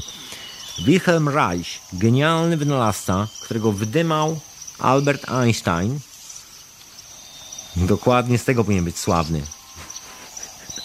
dokładnie. I on to nazwał bionem. To jest ten moment, kiedy się wszystko tworzyło. I kiedy się tworzy, to jest to po prostu potencjał elektryczny, potencjał jakiejś tam energii, który się co, który się łączy dalej, proszę Państwa. Jak on się połączy dalej, to co? To on się klei, doładowuje, to jest ten kod. On trzyma ładunek elektryczny. Coś, co się, coś, co forma jest po prostu czymś, co trzyma ładunek elektryczny i musi gdzieś przeskoczyć i końcówka, w końcówki, które mamy w mózgu, czyli połączenia neuronowe są tymi pomostami, które te koty muszą zeskoczyć. Mam nadzieję, że dobrze przetłumaczyłem. Bardzo dobrze, bardzo dobrze. E, że wszyscy zrozumieli o co chodzi z tym kotem i że prąd elektryczny jest kotem. Słuchajcie, nikt do końca nie wie e, o co chodzi w ogóle z tym prądem elektrycznym, bo on jest związany z grawitacją bardzo mocno. Jest to niesamowita historia. Każdy z Was może zostać e, laureatem Nagrody Nobla. Od 200 lat nikt tego nie wyjaśnił. A absolutnie, absolutnie. Normalnie ob- obowiązuje tak zwany klasyczny model atomowy, gdzie właśnie za wszystko odpowiada teoria termonuklearna. Czym jest to przerażająca rzecz, bo generalnie jeżeli ci ludzie są na tyle głupi, że nie biorą pod uwagę e, kwantowości, to nie zdają sobie sprawy, że na przykład generując dwie w tym samym polu morfogenetycznym, robiąc dwie reakcje jądrowe, wystarczy tylko dwa reaktory produkujące prąd, automatycznie otrzymają kolej, gdzieś w którymś miejscu otrzymają jakieś kolejne pole, które będzie dokładnie reprezentacją tego, co wydarza się w tych dwóch polach, no bo gdzieś ta propagacja się będzie rozchodziła. Przerażające, przerażające. No nie uczyli się Maxwella, nie uczyli się Faradaya, proszę Państwa, nie uczyli się Tesli. No a za tymi panami jest to może nie do końca za nimi, ale razem z nimi szedł y, człowiek, który się nazywa Walt, y, Walter Russell. Niesamowita legenda w Stanach. W Polsce chyba na kontynencie prawie w ogóle nieznany. No to w ogóle historia na osobną opowieść. Człowiek, który właściwie no właściwie chyba opowiedział, narysował to wszystko i i dzięki temu troszkę tutaj dzisiaj rozmawiamy. I generalnie to samo twierdził Tesla, mówiąc, że y, żeby cokolwiek oświecić, to on wcale nie musi robić tak jak Edison, czyli kłaść kawałka z węglonego bambusa na węgiel i traktować go prądem z dużą ilością voltów z lewej i dużą ilością voltów z prawej strony, tylko że można zrobić światło dokładnie tak jak słońce, czyli podgrzewając podgrzewając nic, czyli plazmę, dokładnie plazmę, chodzi dokładnie o plazmę, proszę Państwa. Plazma świeci, plazma mówi, plazma radzi, plazma nigdy Cię nie zdradzi. Co, jak to działa? Jak to działa? No to jest, y, tłumacząc najprościej, nie wytłumaczam pełnej zasady działania plazmy dzisiaj. Znaczy mógłbym, ale nie chce mi się. A co? Ja też muszę zostawić coś na kolejne odcinki, słuchajcie. Ale dobrym przykładem jest ryba. Każdy z Was na pewno powie, zna powiedzonko i to świetnie. Powiedzonko, jest, które jest o kant dupy rozbić, bo tylko świadczy o braku umiejętności obserwacji i o tym, jak, jak zgłupiał człowiek jako gatunek. Powiedzonko mówi o tym, że tylko zdechła ry... że tylko... jak to było? Że tylko zdechła ryba płynie z prądem. Dokładnie. Tylko zdechła ryba płynie z prądem rzeki. No więc y, zaskoczenie, moi drodzy. Ryba dokładnie wykorzystuje też zjawisko plazmy. Na czym, na czym polega to zjawisko plazmy? Na po prostu takich vorteksach w wodzie, które się robi, czyli na wirach, na małych wirach. Jeżeli weźmiecie pod mikroskop budowę łuski ryby, zauważycie jedną rzecz, że łuska właściwie pozostawia sobą wir w wodzie. I to taki dosyć solidny. Jeżeli macie ileś tam tych łusek i one są dokładnie zbudowane według tej samej sekwencji Fibonacciego, to właściwie macie coś w rodzaju wzmacniacza. To jest troszeczkę tak, jakbyście postawili rząd wiatraków. Rząd wiatraków i jeszcze troszeczkę ogrodzili takim tunelem, takim, e, takim taką słoną troszeczkę delikatną, co, co parę tam metrów, nie, ca, nie w całości, tylko co parę metrów, żeby stał taki, taki ekran, żeby troszkę tak tunelowało tą częstotliwość. No i generalnie wszystkie te wiatraki e, mieliłyby dokładnie w tej samej częstotliwości, stałyby jeden za drugim, prosto do siebie. To jest dokładnie ten sam efekt. Utrzymy, utrzymaliście, znaczy jakby otrzymujecie wtedy potężne wzmocnienie tego, tego sygnału, czyli na przykład powinien być ten sam rezonans, coś się powinno dziać, grani te ekrany bardzo szybko powinny odpaść. Yy, Wiatraki się bardzo szybko synchronizują. To jest też kolejna historia. Ogóle, no, ale to już mówiłem w poprzednim odcinku o tej synchronizacji. To jest bardzo intry- intrygująca rzecz, intrygująca. No i jeżeli, e, jeżeli ustawicie te wiatraki, będziecie je zmniejszali tak najzwyczajniej w świecie, czyli na przykład każdy kolejny będzie o tak zwaną tak zwany złoty podział troszeczkę mniejszy, będziecie w odpowiednich proporcjach rozkładali, no to możecie sterować tą energią, kompresować albo dekompresować, tak zwyczajnie, tak jak się to dzieje w każdej muszli. Jeżeli weźmiecie muszlę taką z Atlantyku, która jest taka zwinięta, spiralna, no to co to jest? To jest kompresja albo dekompresja energii w jedną albo w drugą stronę, tak jak e, piramida w jedną stronę, albo na przykład klepsydra do przesywania, do przesyłania piasku, jeżeli ktoś z Was używa klepsydry do gotowania jaj na twardo albo na miękko, prawda? Dokładnie. I mówi się, że to ma- martwa ryba, tak? Że martwa ryba. Z- Słuchajcie, ryby nigdy, ryby zawsze pływają yy, z prądem. Na tym polega fenomen. Bo ryby właściwie sobie same generują prąd wody. Bo przez ustawienie się w poprzek nurtu, automatycznie zbudają wszystkie te vorteksy dookoła siebie i te vorteksy zachowują się jak silniki odrzutowe. I to takie po, po prostu silniki odrzutowe, które się wzmacniają i wzmacniają ten drobny efekt i dookoła ryby tworzy się coś w rodzaju warstwy aerodynamicznej, pełnej wirów wody, które są w zupełnie przeciwną stronę w stosunku do tego, co my obserwujemy na powierzchni wody. Jakby dookoła ryby tworzy się coś w rodzaju tunelu, dlatego rybie wygodniej płynąć pod prąd i właściwie ona nie musi nic robić, żeby płynąć pod prąd, ona się tylko ustawia pod odpowiednim kątem i właściwie jest utrzymywana aut, automatycznie przez te vorteksy. To tak jak latawiec na niebie. Wystarczy tylko ustawić go pod odpowiednim kątem i ten latawiec się nieustannie wznosi, wznosi, wznosi, wznosi, wznosi. Właściwie my musimy go, go trzymać, żeby nam nie uciekł. I to wszystko. Dokładnie taka sama sytuacja występuje w wodzie. Y, Ryba tylko się ustawia odpowiednio pod kątem i właściwie woda sama wypycha wodę. Słuchajcie, NASA używa tych silników przy swoich rakietach, eksperymentach. To są... E, to nie są silniki plazmowe, to się jeszcze w ogóle nie nazywa plazma, bo to też nie, nie oto jak zwykle problemy z nazewnictwem w dzisiejszych czasach. E, Są, jest to generalnie rodzaj takiego specjalnego odrzutu, że się kompresuje, że powietrze, które wpada do silnika się zagęszcza w takiej małej komorze na końcu, kiedy jest już bardzo gęste, z bardzo dużą prędkością, nagle się okazuje, że tam powstaje rodzaj wiru, który sam z siebie generuje gigantyczną ilość energii. To jest troszeczkę tak, jakbyście nagle w szklance wody stworzyli burzę z piornami. Dokładnie. Dokładnie o to chodzi. Dokładnie o, szkla, o, o burzę, o burzę w szklance wody, słuchajcie. Dokładnie. Zimna fuzja, tak to się nazywa. No, dzieje się to po prostu wszędzie. Wiktor Stauberger o tym, o tym mówił. To jest y, kwestia tego, że na przykład woda jest y, po prostu żywa, że woda jest żywym organizmem i że na przykład kwestia tego, że na przykład to, że e, w zimnej wodzie zimna woda ma większą wyporność niż na przykład ciepła, bo ciepła, ciepła woda ma mniejszą wyporność. To kwestia ładunków elektrycznych, które już mniej trzymają i tak dalej, i tak dalej. To już o tym wszystkim, słuchajcie, szykujcie się na hiperprzestrzeń, gdzie będzie dużo prądzie elektrycznym. Starał się wam powiedzieć, o co chodzi z tym prądem, o co chodzi. No tu wracajmy, jakby zostawmy takie hard science, twardą naukę o tych prądach elektrycznych. Yy, Posłuchajmy troszkę muzyczki, a potem no, wrócę do naszego mózgu. Mózgu, bo my oczywiście mózgu jesteśmy. Mózgu. No właśnie, powiedziałem o muszli, powiedziałem o Wiktorze, powiedziałem o rybie, powiedziałem, że ten, to jak błyskawica, to znaczy, że ten kot próbuje gdzieś zeskoczyć. Pamiętajcie o tym kocie, bo to nam się jeszcze dzisiaj przyda. No właśnie, i a propos, zanim jeszcze zniknę do tej muzyczki, to pomyślcie, słuchajcie, no bo co, jeśli grawitacja na przykład to nie jest siła przyciągania, a siła dociskania, no właśnie. Co by było, gdyby właśnie ta grawitacja to nam, nas bardziej tak dociskała do Ziemi, a nie, a nie przyciągała? Co wy na to? Co wy na taki pomysł? Bo zdaje się tak troszkę i Wiktor Stauberger, i, i Maxwell, i Walter Russell, no i kilku innych mówiło tak troszeczkę jakby w drugą stronę, proszę Państwa. I co wy na to? I co wy na to? Jeszcze raz przypomnę, bo jeśli grawitacja to nie jest siła przyciągania, tylko siła dociskania do Ziemi, dociskania. No właśnie. Nigdy nie wiadomo? Nigdy nie wiadomo? A ja to oczywiście jak zwykle, słuchajcie, się pogubiłem w muzie. Się pogubiłem jak nic. E... No ale nie jest tak źle, żeby mi było tak. Okej. Gotowe. Słuchajcie, jak zwykle jest tyle tej muzy, że po prostu człowiek się, człowiek się po prostu gubi. A my posłuchajmy po prostu muzyczki, posłuchajmy. Tararita. Słuchajcie, był przed chwilą telefon, proszę dzwonić jeszcze raz. Jak jest muzyka, to po prostu nie odbieram. Muzyki słuchamy, a nie zagadujemy. To nie jest komercyjne radio, proszę Państwa. Jaki jest świetny sound, to jest świetny sound.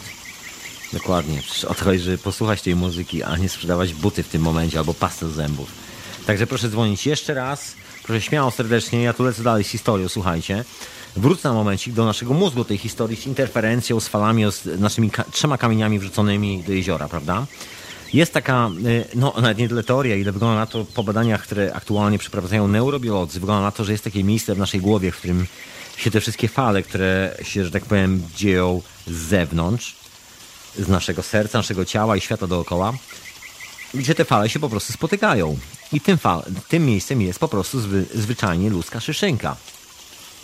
No to jest, y, słuchajcie, jakby to nazwać, szczelina świadomości, punkt przejścia do innych wymiarów, jakby niesamowite historie na temat szyszynki.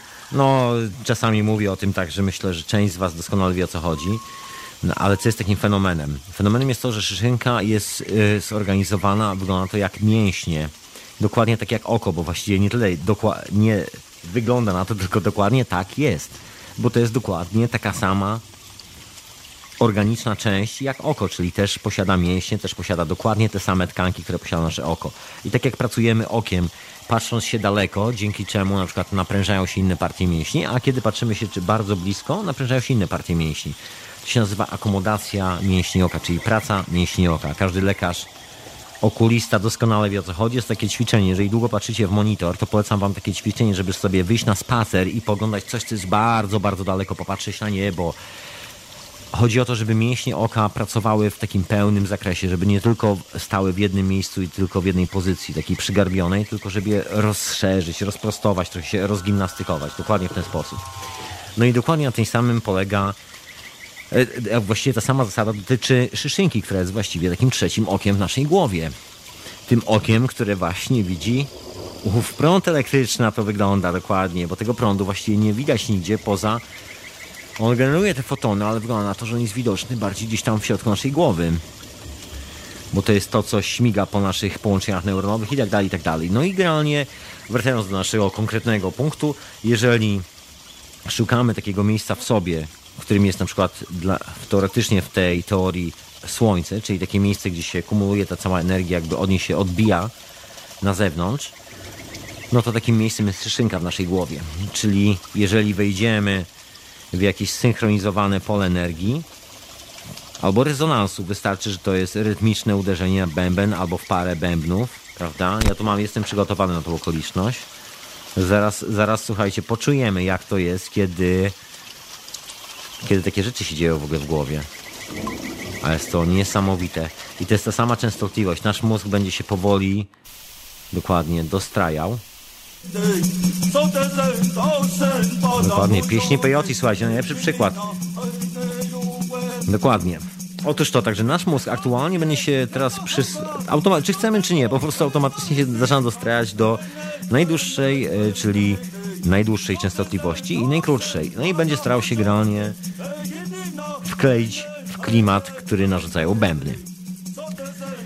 No i jak te wszystkie częstotliwości w naszym mózgu się synchronizują, moi drodzy, czyli wszystko będzie chodziło już dokładnie w tym samym rytmie, czyli sygnał wysyłany z lewej strony będzie dum, dum, dum, sygnał z prawej, sygnał z tyłu, z przodu i tak dalej, no to nasz mózg zacznie wtedy powoli chodzić dokładnie w tej samej częstotliwości, czyli zacznie rezonować tak samo. Czyli przestaną się dziać tak zwane konflikty, które polegają na interferencji fal, czyli na tym, że coś się dziwnie od siebie odbija, coś się wykasowuje, informacja nie dochodzi. Dokładnie. Tutaj fale generalnie penetrują cały mózg od początku do końca. Dokładnie w tej samej częstotliwości, w tym samym momencie. Dotyczy to właściwie wszystkich, wszystkich dźwięków właściwie ludowych granych na bębnach, dźwięków transowych itd., itd. Chodzi o wytworzenie pewnej częstotliwości właściwie i narzucenie jej naszemu mózgowi tak, żeby, żeby się odprężył, żeby skoczył na tą właściwą częstotliwość, znalazł na siebie. Dobrze jest wtedy samemu grać na bębnie, bo wtedy oczywiście samemu się wzmacnia dokładnie ten rezonans. No i to miejsce, w którym następuje, nie wiem jak to nazwać, szczelina świadomości, nasza szyszczynka, ta energia po prostu najzwyczajniej rzecz biorąc, po prostu prąd elektryczny, który jest na zewnątrz, takiej bardzo niskiej częstotliwości, kumuluje się dokładnie w naszej szy szyszynce, w której znajduje się, no właśnie, w której znajdują się owe kryształy magnetytu, moi drodzy które się zachowują jak małe kondensatory, czyli się jak małe bateryjki ładują prądem. Kiedy tego prądu już jest za dużo, to ten kod gdzieś musi wyskoczyć. A gdzie wyskoczy kod?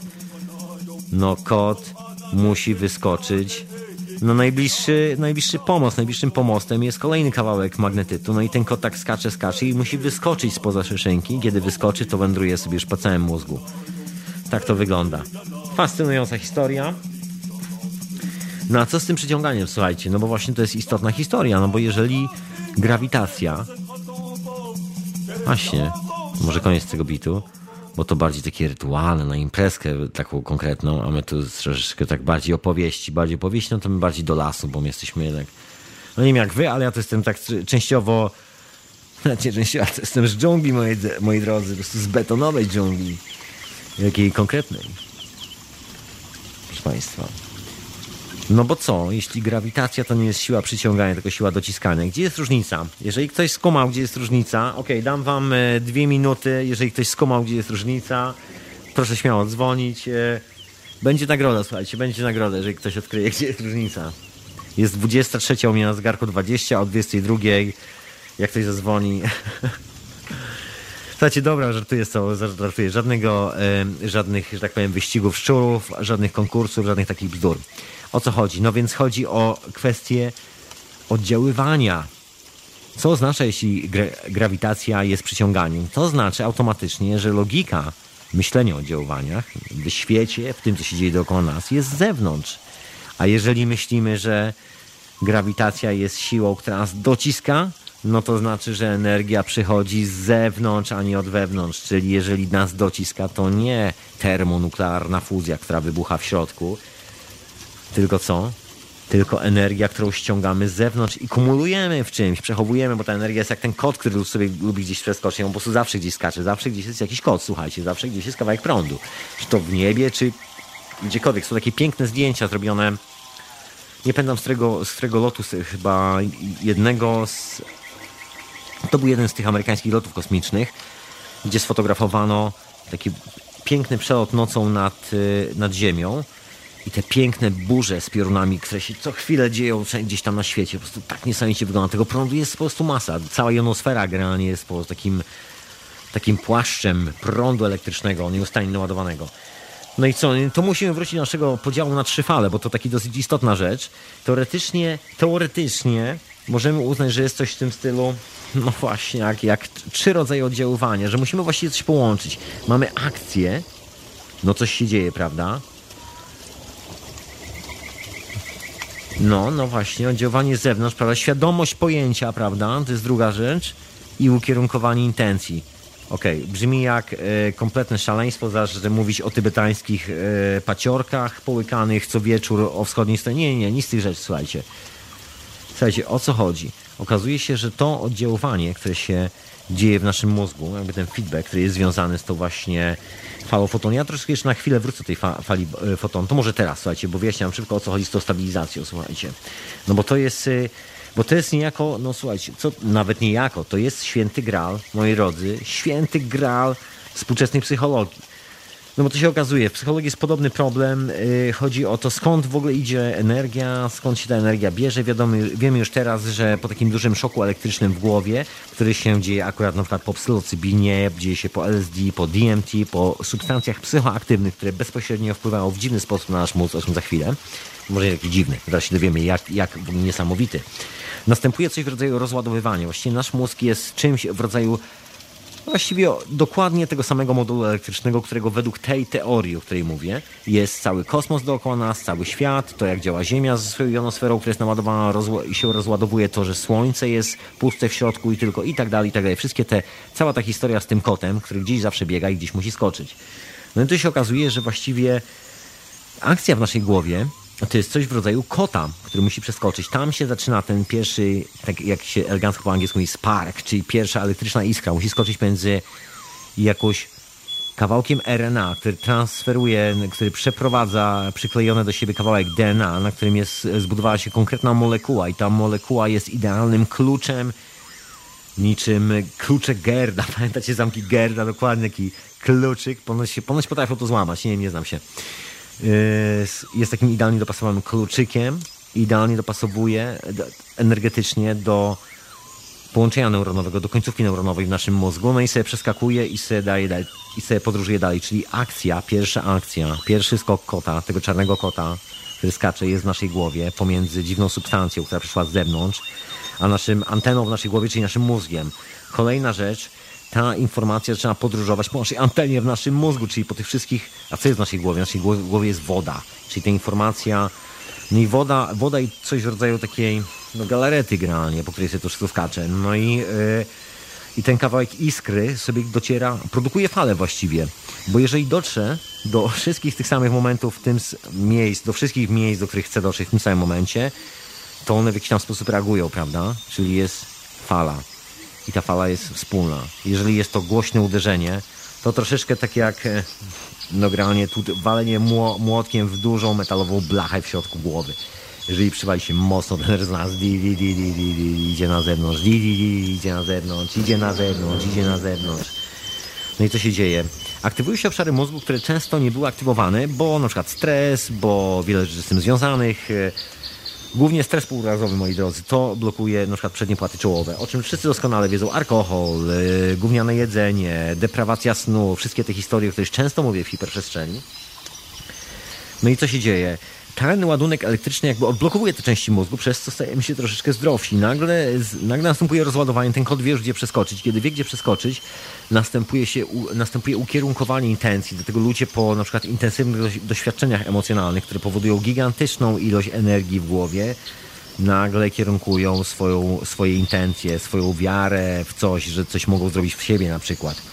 Słuchajcie, używa tego Kościół katolicki podczas na przykład, używał podczas budow, budowy katedr. Tak są skonstruowane katedry, żeby wytworzyć coś w rodzaju takiej, takiego pola w naszej głowie, kiedy wchodzimy, bo jakby konstrukcja jest geometryczna, rezonuje w konkretny sposób i można pewną częstotliwość osiągnąć. Wystar- to nie jest kwestia pilnowania na przykład rozmiarów na centymetr, to jest kwestia pilnowania proporcji. Wystarczy pamiętać o tym, ile ma być załamań w danej proporcji. Czy to jest trochę większe, czy to jest mniejsze, to naprawdę nie jest istotne. Chodzi o podążanie tą proporcją.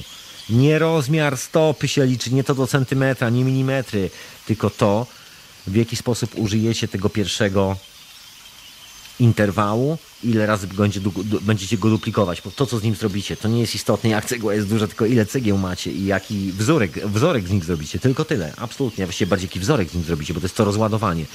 No i wygląda na to, że ta, kiedy ta energia się rozładowuje, czyli ten feedback w naszym mózgu ze środka naszego mózgu idzie na zewnątrz, wykona ten drżż, pacnięcie, ten rezonans, to wraca równą taką harmoniczną falą, która jest dokładnie w tej samej częstotliwości jak ta fala, która wychodzi, czyli się nie kasuje za bardzo, nie ma tam nic do kasowania, wraca do naszej szyszynki i w tym momencie trafia na kawałki magnetytu i z powrotem zamienia się w energię i wtedy się, że tak powiem, wtedy, wtedy w naszej głowie robi się coś w rodzaju czarnego słońca pojawiają się takie dziwne vorteksy energetyczne, których nikt nie jest wytłumaczyć. Po prostu absolutnie. Nikt nie jest w stanie tego wytłumaczyć. Nikt nie wie, co się dzieje. Wiemy tylko, co się na przykład dzieje w oczach y, zwierzaków, które nazywamy owadami. Niedawno odkryto po latach badania roślin, y, znaczy roślin i owadów. Słuchajcie, bo owady z reguły badano tak, że łapano owada. Jakiś gentleman jechał z łapką do dżungli albo gdzieś tam łapał owada, przypomniał się, o, fantastyczny owad, wezmę szpilkę, przybiję go do tektury. I przebity do lektury lądował za szklaną szybą. Następnie gentleman przyprowadzał postały gentleman. Mówił, o to jest owad, którego, który zdobyłem podczas swoich podróży. Nazwałem go imieniem swojego dziadka. No i tak to z reguły wyglądało. Pewnego dnia naukowcy spojrzeli w głąb oka owada. Co się okazało? Owad w swoim oku, na samym dole, na przykład pszczoła, nie wiem czy wiecie co ma, ma kawałki magnetytu. Dokładnie kawałki magnetytu, coś w rodzaju naturalnego żyroskopu. No i odczuwa świat, właściwie to, jaki, to w jaki sposób widzi świat, to jest, y, no jest generowane energią pola elektrograwitacyjnego, które występuje pomiędzy tymi kamykami. To troszeczkę tak jakby wam, hmm, trochę jakbyście lecieli w, w róże. Granie pszczoła nie widzi tylko okiem, nie takim normalnym kolorami, kształtami i tak tylko widzi, widzi coś w rodzaju fal elektrograwitacyjnych, czyli widzi na przykład tunel dla siebie, widzi, widzi odczuwa natężenie tej fali. Jeżeli na przykład weźmiecie sobie Hmm, bo tak brzmi jakby, że pszczoła widzi rzeczy, których my nie widzimy, że to w ogóle nieistniejące moce, że to jakieś czary mary, Harry Potter, zaraz tu wyskoczy z kapelusza. Nie, nie, nie. Jeżeli ktoś z was gra na gitarze elektrycznej, to gitara elektryczna uży, używa czegoś co się nazywa przystawka. Jest taka cewka po prostu elektryczna. Wystarczy tą cewkę sobie przyłożyć do telefonu i wtedy usłyszycie, jak częstotliwość waszego telefonu, jaka jest głośna. My tego nie słyszymy, bo jest to częstotliwość poniżej słyszalności takiej fizycznej naszego mózgu. My ją dalej odczuwamy jako istoty żywe, bo my odczuwamy każdą częstotliwość, tak samo jak owady, ale jej nie widzimy. Natomiast y, pszczoły widzą na przykład tą częstotliwość i dla nich jest coś takiego, że teoretycznie można powiedzieć, że na przykład obszar dookoła takiego nadajnika telefonii komórkowej dla pszczoły to jest taka szara, czarna dziura, w którą ona nie wleci, bo ona po prostu nie wie, co tam się dzieje. To jest, y, ona tam po prostu ślepnie. Coś, tym, coś w ten sposób.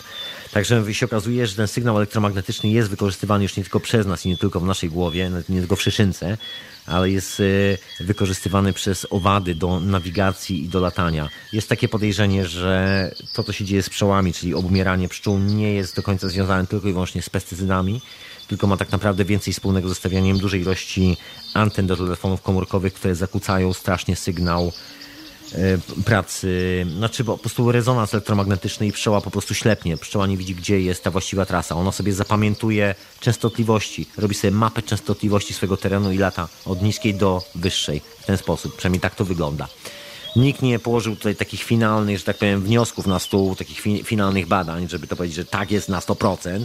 Także nie wiemy, też jest to spekulacja do pewnego stopnia. Do pewnego, bo kryształki wokół pszczoły są. Także to proszę pamiętać.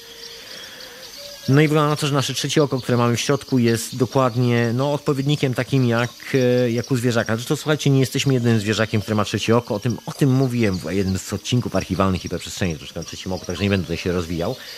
No ale mniejsza o to. Chodzi o, o tą energię, o tą energię. A co z tym fanem fotonów, proszę Państwa? E, co to ma w ogóle wspólnego? Jeżeli wlecimy tą falę fotonów, czyli tej energii, nastąpi ta stabilizacja energii dookoła, względem balansu, tak zwany względny balans, tak zwana równowaga, no bo też nie na długo, bo nic w świecie nie jest wiecznie, nie trwa wiecznie w tym samym stanie. Wszystko jest w, jakiś rodzaju, w jakimś rodzaju ruchu, jakimś rodzaju dynamiki, a takiej stojącej, takiej energetycznej, że tak powiem. Ciężko to wyjaśnić, słuchajcie, będę starał się to wyjaśnić mówiąc o prądzie elektrycznym, jeżeli...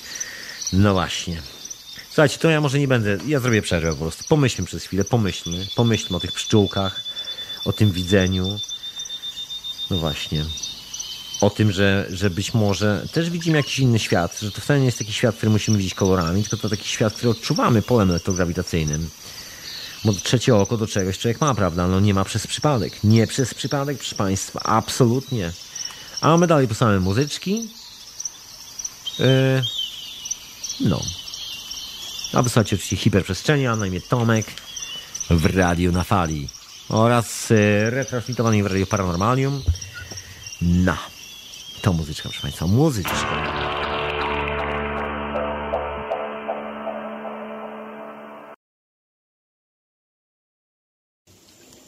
Tak, tak, tak, a możecie się w lesie, w lesie, w lesie, a my jeszcze dalej w lesie. Oczywiście wysłuchacie radia na fali, ja na imię Tomek. Audycja nazywa się Hiperprzestrzeń. Tak, tak, dokładnie, hiperprzestrzeń. Nie pomyliliście się, absolutnie, moi drodzy. Przypominam, że zakładka wspiera i sponsoruj, wysłuchajcie, no, rozwój nauki. Nie można całe życie płacić na piłkarzy. Trzeba płacić na... Trzeba płacić na myślicieli. Na inteligencję. Wizjonerów. Na przyszłość. Ja jestem waszą przyszłością, słuchajcie. To radio jest waszą przyszłością. My jesteśmy waszą przyszłością. Także proszę jakieś wkłady, wkłady. Im więcej, tym lepiej. Słuchajcie, przyjmujemy też, e, tak jak zawsze, zawsze przypominam, że przyjmujemy złote zęby po babci dziadku, przyjmujemy złote obrączki, przyjmujemy całe, e, przyjmujemy też srebrne, srebrne zastawy. Nie brzydzimy się, nie brzydzimy się absolutnie. Przyjmujemy też, e, no to właśnie wszystko, co macie, także spoko. Wysyłacie, moje drodzy, wysyłacie. Nigdy za mało. Nigdy za mało. Take more is better, take less. That's what Jabba Finansky says. E, Słuchajcie, to ja wracam do tego wszystkiego, słuchajcie, no bo co? No i o co z tym wszystkim chodzi szyszynką, bo czas powoli zacząć łączyć nasze czarne słońce i legendę o tym, że być może słońce może zgasnąć na parę dni, możemy nie widzieć słońca, czy jakoś tak. Czy jakoś tak. No i o co chodzi, proszę Państwa, i o co chodzi? No to wracając do tej historii z e, naszą szyszynką i z czarnym słońcem i w ogóle z tymi wszystkimi legendami, psychodelikami i tak dalej, się okazuje, wrócę do naszej szyszynki oczywiście, do tej fali, która się odbija po naszej głowie krąży z kosmosu. Fala z kosmosu w naszej głowie. Dokładnie tak, dokładnie tak, drogi słuchaczu. Fala z kosmosu w naszej, właściwie w mojej głowie. W twojej też zapewne, w twojej też, bo czemu by nie? No ale wracajmy do tej historii, słuchajcie, jeżeli tam, jeżeli jest dużo prądu elektrycznego, dzieją się takie rzeczy z naszą szyszynką, no to zaczyna się produkować owa magiczna substancja. No, nazywamy ją DMT, dynametometryptamina, no i nie tylko. Generalnie w ogóle mózg zachowuje się troszeczkę inaczej, otwierają się, jak to nazwaliśmy, szczeliny świadomości. No bo co chodzi? Nasz mózg, kiedy, kiedy coś takiego się dzieje, no, yy, staje się po prostu głośny. Nasza szyszynka zaczyna wydawać siebie głośniejszy sygnał niż ten, który odbiera na zewnątrz. Czyli generalnie my zaczynamy rezonować i jeżeli wysyłamy jeszcze jakiś dodatkowo chemiczny, inny, kwantowy sygnał do reszty naszego organizmu, wiemy, że jesteśmy kwantową organizacją przestrzeni, taka jest prawda, no, wszystkie naukowe, naukowe badania o tym mówią. To jest właśnie ten fenomen, że nasze serce na 6 sekund przed wielkim wstrząsem y, emocjonalnym doskonale o tym wie, jest przygotowane na taką historię, także nie ma tutaj żadnych tajemnic. O tym nie będę teraz się rozwlekał na ten temat. Tym bardziej, że już niewiele czasu nam zostało. No, muszę wam skończyć tą całą historię, słuchajcie. No i co się okazuje? Nasz mózg jest na tyle głośny, że nasze serce dołącza do, do tej samej orkiestry. Nasze serce i mózg zaczynają być tą samą orkiestrą, no i zaczynają grać te sam, ten sam marsz w tym samym rytmie, prawda? No i jak tłuką w tym samym rytmie, no to zaczynają się dziać niesamowite rzeczy. To generalnie iskry tych, w naszej szyszynce zaczynają skakać jak szalone, zaczyna się robić bardzo dużo prądu. No jak się zaczyna robić bardzo dużo prądu, to ten przestrzeń, po której skacze ten kot jest po prostu, zaczyna się robić potężna, słuchajcie, wszystko tam zaczyna świrować i powstaje coś w rodzaju bar- bardzo dziwnego zjawiska. To, to które no, nauka nazywa po prostu plazmą i tyle. Okazuje się, że po prostu taki vortex prawdopodobnie, bo nikt tego oczywiście nie zbadał, nikt, nikt nie zrobił zdjęć tego, co się dzieje w ludzkiej głowie, no ale wygląda na to, że dokładnie taki vortex odbywa się w naszej głowie.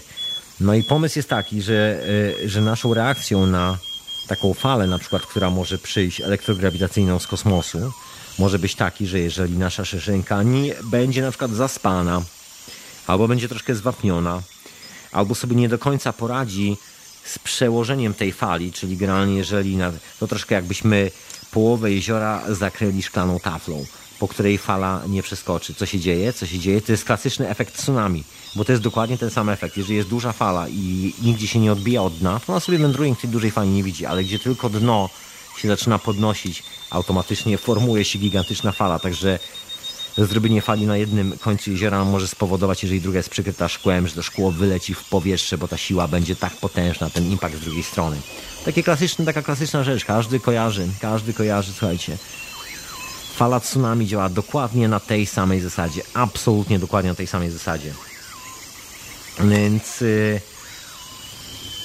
Więc jeżeli, e, jeżeli będzie troszkę zaspana ta nasza szyszynka, to możemy, może nastąpić efekt kwantowy dokładnie z energią, z naszym widzeniem. No bo co my widzimy? My widzimy tylko odbicie fali. Jeżeli te fale się na siebie nałożą, bo na przykład szyszynka sobie nie będzie w stanie, że tak powiem, przyjąć tej ilości prądu elektrycznego na głowę, no to co wtedy? To wtedy słonko, ponieważ dalej będzie tam, gdzie było, może nam zniknąć z oczu, może się zrobić po prostu ciemno, możemy oślepnąć na parę chwil. Dokładnie. bo częstotliwość, którą odbiera nasz mózg, może się dokładnie pokryć z częstotliwością, którą wyśle na przykład kosmos. I się okaże, że nasza szyszynka nie jest w stanie tego przerobić, Prawdopodobnie nasza szyszynka przerabia swoją własną częstotliwość, no nie, nie, tyle prawdopodobnie, ile my mamy jakąś tam swoją własność, częstotliwość planety i tak dalej. I mamy tą zwolność, zdolność używania tego, jak mówią starożytne religie. No i cała sztuczka polega na tym, żeby mieć ją na tyle w ruchu, żeby mogła przerobić te wszelkie informacje, żeby nie zgasła w tym momencie, bo to może być taki moment, że jak się dokładnie dwie fale nałożą na siebie, to my widzimy w tym momencie puste miejsce. To nie jest tak, że tam nie ma energii, nie ma czegoś, tylko po prostu my to widzimy jako coś pustego, jako coś nieistniejącego, trochę jak ze Słońcem. Tam może być takie nawet nie tyle załamanie, ile tam po prostu jest coś zupełnie innego. Coś absolutnie innego, coś, co powstaje w naszej głowie, bo właściwie cała ta informacja, o której mowa, od której, nie wiem, człowiek mądrzeje, od której człowiek czasami rzuca nałogi, od której człowiek w ogóle staje się lepszym człowiekiem, ta informacja, która yy, właściwie odpowiada za wszelkie możliwe wynalazki, bo praktycznie wszelkie możliwe wynalazki na świecie pochodzą ze stanów wizyjnych, ze snów z historii, które gdzieś się z marzeń, z marzeń, proszę Państwa. Czy marzeń jest zmaterializowane? Nie ma czegoś takiego. Przypomina to trochę taką klasyczną bajkę o biednym, głupim Jasiu, który miał dobre serce. Jasiu każdemu pomagał. Nawet jeżeli ludzie go nie szanowali, śmiali się z niego i wytykali palcami. On zawsze pomagał ludziom, nigdy się niczym nie przejmował. I zbierał te malutkie kamyki, zbierał i zbierał i zbierał. Na końcu tej bajki okazuje się, że Jasiu pomagał tak wszystkim dookoła, że zbudował takie pomocnicze pole morfogenetyczne dookoła siebie, tak za, zakręcił tymi wszystkimi vorteksami, jak po prostu ryba w wartkim strumieniu, że wyskoczył, wyskoczył nad wodospad, przeskakując kolejny próg wody i niczym robił to pstrągi, pstrągi, dokładnie jak pstrągi, proszę Państwa. To jest dokładnie jak w tej bajce. Na końcu się zostaje królem troszeczkę. Dokładnie w ten sposób. To jest ta siła, siła tej jeszcze innej świadomości. O co chodzi właśnie z tą falą z tego czarnego słońca? Być może to jest troszkę w drugą stronę. Być może wszystkich nas skasuje. Nie jest to kwestia złapienia szyszynki. Być może po prostu musi się tak zdarzyć i to każdemu z nas. I być może właśnie o to chodzi z tą całą tajemnicą tego czasu transformacji, że przyjdzie taka fala z kosmosu i wszystkich nas przytka troszeczkę na, na ten okres y, czasu. No można stwierdzić, że y, pewnym rodzajem przygotowania, które, no nie wiem, nie wiem czy przygotowania, ale jest taka, taki zabawny ślad z tymi ciemnościami, są wszystkie te jaskinie, które postawili po sobie starożytni ludzie. Tam do tej pory te tradycje funkcjonują, czyli wchodzi się do jaskini i się medytuje w jaskini. Chodzi o to, żeby się odciąć od tej energii, która jest związana ze światłem słonecznym, bo dopiero odcięcie od tej energii powoduje, że zaczynamy myśleć, zaczynamy dostrzegać inne światy. Bo o co chodzi właściwie z tą całą teorią, jeżeli nas tam walnie? I to nawet chyba nie jest kwestia zwapnionej szyszynki, czy niezwapnionej, bo wygląda na to, że jeżeli fale się nałożą z kosmosu, właściwie szyszynka i tak powinna mieć tą samą częstotliwość wszędzie. Także jeżeli, jeżeli mam oślepnąć, moi drodzy, to wszyscy prawdopodobnie oślepiemy na ten kawałek czasu. I o co chodzi? Być może te wszystkie częstotliwości z zewnątrz, czyli te częstotliwości z kosmosu, to o czym być może mówią w taki no, bardzo symboliczny sposób wszystkie te starożytne budowle swoją niesamowitą symetrią. Czyli jeżeli wszystkie wartości zewnętrzne między planetami, układem słonecznym, drogą mleczną i tak dalej będą harmonijne, to właściwie wszystkie wyślą dokładnie ten sam impuls na Ziemię. Nie będzie już iluś tam impulsów, tylko przez moment będzie wysyłany dokładnie ten sam, ten sam impuls, taka sama częstotliwość. Tylko przez krótką chwilę, bo to też bo to jest kwestia interwału. Akurat w tym momencie się wszystkie na siebie nałożą i ten interwał może być dokładnie tej samej częstotliwości, w której na przykład funkcjonuje nasza szyszynka, przez co fale się nałożą na siebie i nasza percepcja widzenia tej rzeczywistości, czy to będzie granie drzewo, czy to słonko, czy cokolwiek innego, po prostu zniknie i wszyscy zostaną potężnych wizji. To jest troszeczkę tak, jak by nam ktoś wyłączył tą rzeczywistość i przełączył na kompletnie inną. To trochę... Yy, porównując do takich praktycznych rzeczy, słuchajcie, nie jest to, nie jest to jakoś, jakoś straszną rewolucją i, do, i intelektualną, bo jeżeli cofniemy się do początku prądu elektrycznego, pierwszy prąd, słuchajcie, puszczano rurami. Edison puszczał prąd, wiecie jak puszczał prąd? W dwóch rurach. Jeszcze w Nowym Jorku były takie rury, w San Francisco były takie rury. W Paryżu zdaje się też, bo tam była też siedziba firmy Edisona. Były to metalowe rury, dwie, jedna w drugiej, schowanej była cienka, miedziana rura w środku, kompletnie pusta w środku i stalowa, żelazna rura dookoła tej miedzianej. Oczywiście w niektórych momentach obwinięte, ob, były specjalnie obwinięte taką specjalnym e, magnetycznym żelazem, namagnesowanym żelazem. No ale o tym, o tym to w ogóle, o tym, zostaw można magnetyzowane żelazo, o tym to w odcinku o prądzie elektrycznym, bo to jest w ogóle ciekawa historia. No ale generalnie chodzi o pomysł taki, że prąd tak naprawdę nie idzie w kablu, tylko on wykorzystuje przestrzeń dookoła właściwie tych atomów, z których się buduje kabel. No i dlaczego Edison używał rur pustych w środku? Bo jak puszczał ten swój pierwszy prąd przez te rury, to kable się paliły i okazało, że jak robi puste rury w środku, ten prąd lepiej, lepiej po prostu się przenosi przez te rury i nie pali kabli aż tak mocno. Inna sprawa, że w dzisiejszych czasach, jak się wybierzecie w takie centrum telekomunikacyjne, które jest podłączone pod y, satelity, na przykład jest to centrum takie wojskowe albo policyjne, no albo bankowe, to, ta, to są tam maszyny, które wysyłają częstotliwość bardzo wysoką, bardzo wysoką do tych anten, bo te anteny emitują po prostu bardzo intensywny sygnał. No i ta wysoka częstotliwość jest zbyt wysoka, żeby przesłać ją jakimikolwiek kablami. Są takie specjalne szafki, do których idą normalne kable, a już z tamtych szafek wychodzą takie kwadratowe rury, które są kompletnie puste w środku, są, mają specjalne profile, one są tak zgięte w specjalny sposób i tymi kablami jest transferowane na przykład ileś tam tysięcy herców. Czyli to, co normalnie jakbyśmy puścili po takim kablu, to taki kabel mógłby nie przyjąć tego, po prostu spaliłby się od razu. Nat- Natomiast odpowiednia, odpowiednia komora, odpowiednia rura akustyczna, coś w tym stylu, powoduje, że można tą częstotliwość przesłać na dalszą odległość. To troszeczkę tak jak w naszej głowie, dokładnie taka sama historia. Także yy, no pomysł jest taki, że jest to jakby tunelowana częstotliwość. Taki pomysł. No i nie jest to bardzo oryginalny pomysł, bo no, Edison miał z tym historię to już jakieś 100 lat temu. Zresztą to samą częstotliwość, ten sam pomysł wykorzystywał Tesla i tak dalej, i tak dalej. Zasada jest ciągle ta sama, że jeżeli wrzucimy dokładnie dwa te same kamyki, dokładnie w tym samym momencie i fala z tych kamyków się na siebie, że tak powiem, nałoży, to się wykasuje. I przez ten moment w tym miejscu rzeczywistość, którą doskonale znamy na co dzień, przestanie funkcjonować, przestanie istnieć i pojawi się coś zupełnie innego wielcy teoretycy i praktycy. Słuchajcie, takie książki jak e, Drzwi Percepcji i wielu ludzi e, pracujących z substancjami psychoaktywnymi mówi dokładnie o tym, że o tym, jak pracują nasze, na, e, nasze głowy podczas e, właśnie zderzenia z takimi substancjami psychoaktywnymi, co się dzieje. Generalnie, kiedy ładujemy na przykład taką substancję właśnie w głowę, nasz mózg zaczyna się robić głośny, zaczyna produkować troszkę więcej prądu elektrycznego. Dokładnie to samo zjawisko jak przy takiej fali z zewnątrz, tylko że to się dzieje jakby od wewnątrz w niewyjaśniony sposób. Znaczy nie tyle niewyjaśniony, ile po prostu chemicznie, jakby po, e, chemiczna reakcja nam pomaga jakby wskoczyć w, em, w, w tą całą resztę. No ale tu się nie będę rozpisywał, bo to w ogóle, słuchajcie, to w ogóle jakiś specjalistę powinien posadzić tutaj na stołku i przepytać na ten temat, żeby wam w ogóle nie mieszać w głowach, nie mieszać w głowach.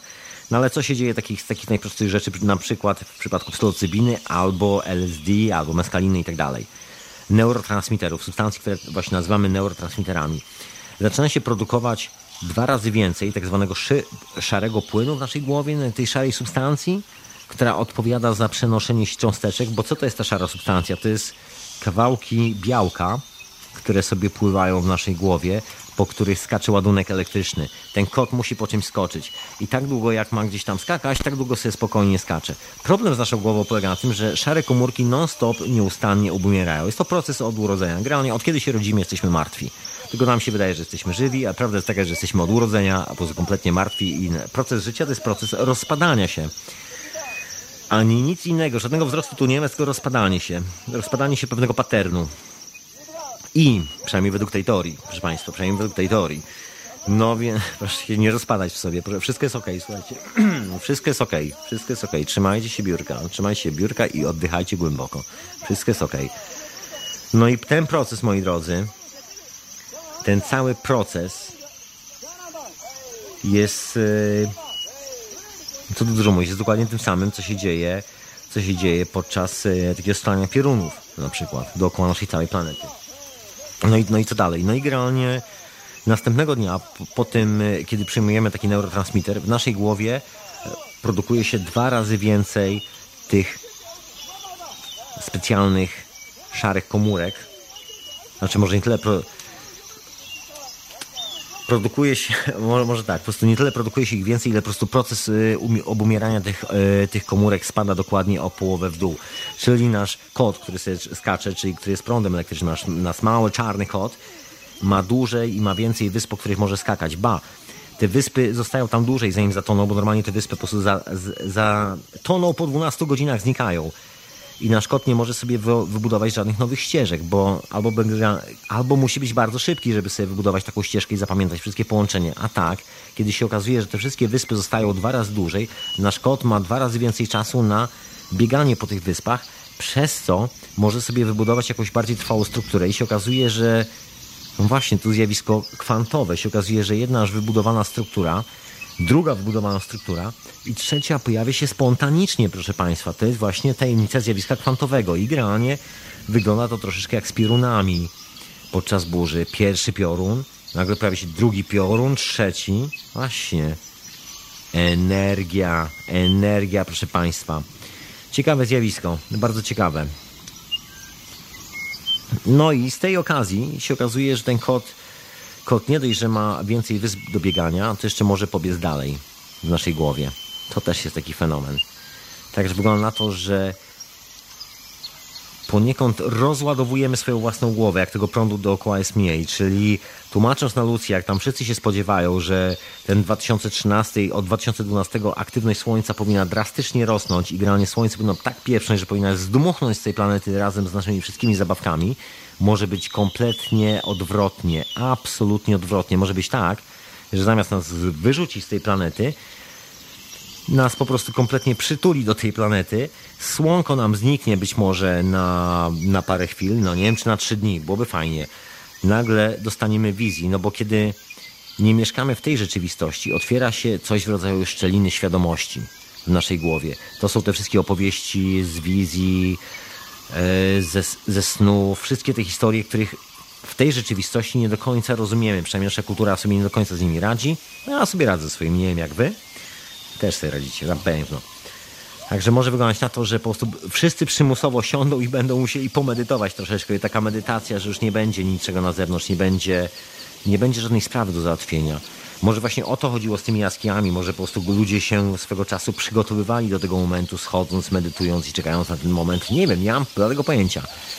Może cała ta idea o tym, że to jest coś niebezpiecznego, że katastrofa, że groźba i tak dalej, może to jest błędny sposób myślenia. Tak samo jak myślenie o tych wszystkich podziemnych strukturach, że się tam chowali, bo, bo coś spadało z nieba, latały krokodyle na niebie i chciały zjadać ludzi. Może, może nie o to chodzi. Może żadne krokodyle, żadne takie rzeczy, może po prostu ludzie schodzili do podziemi po to, żeby pomedytować, pomieszkać troszkę w taki sposób, jakby przygotować się na taką sytuację. Może to o to chodziło? Kto wie? Kto wie, proszę Państwa, kto wie? No wygląda na to, że wszystkie wynalazki świata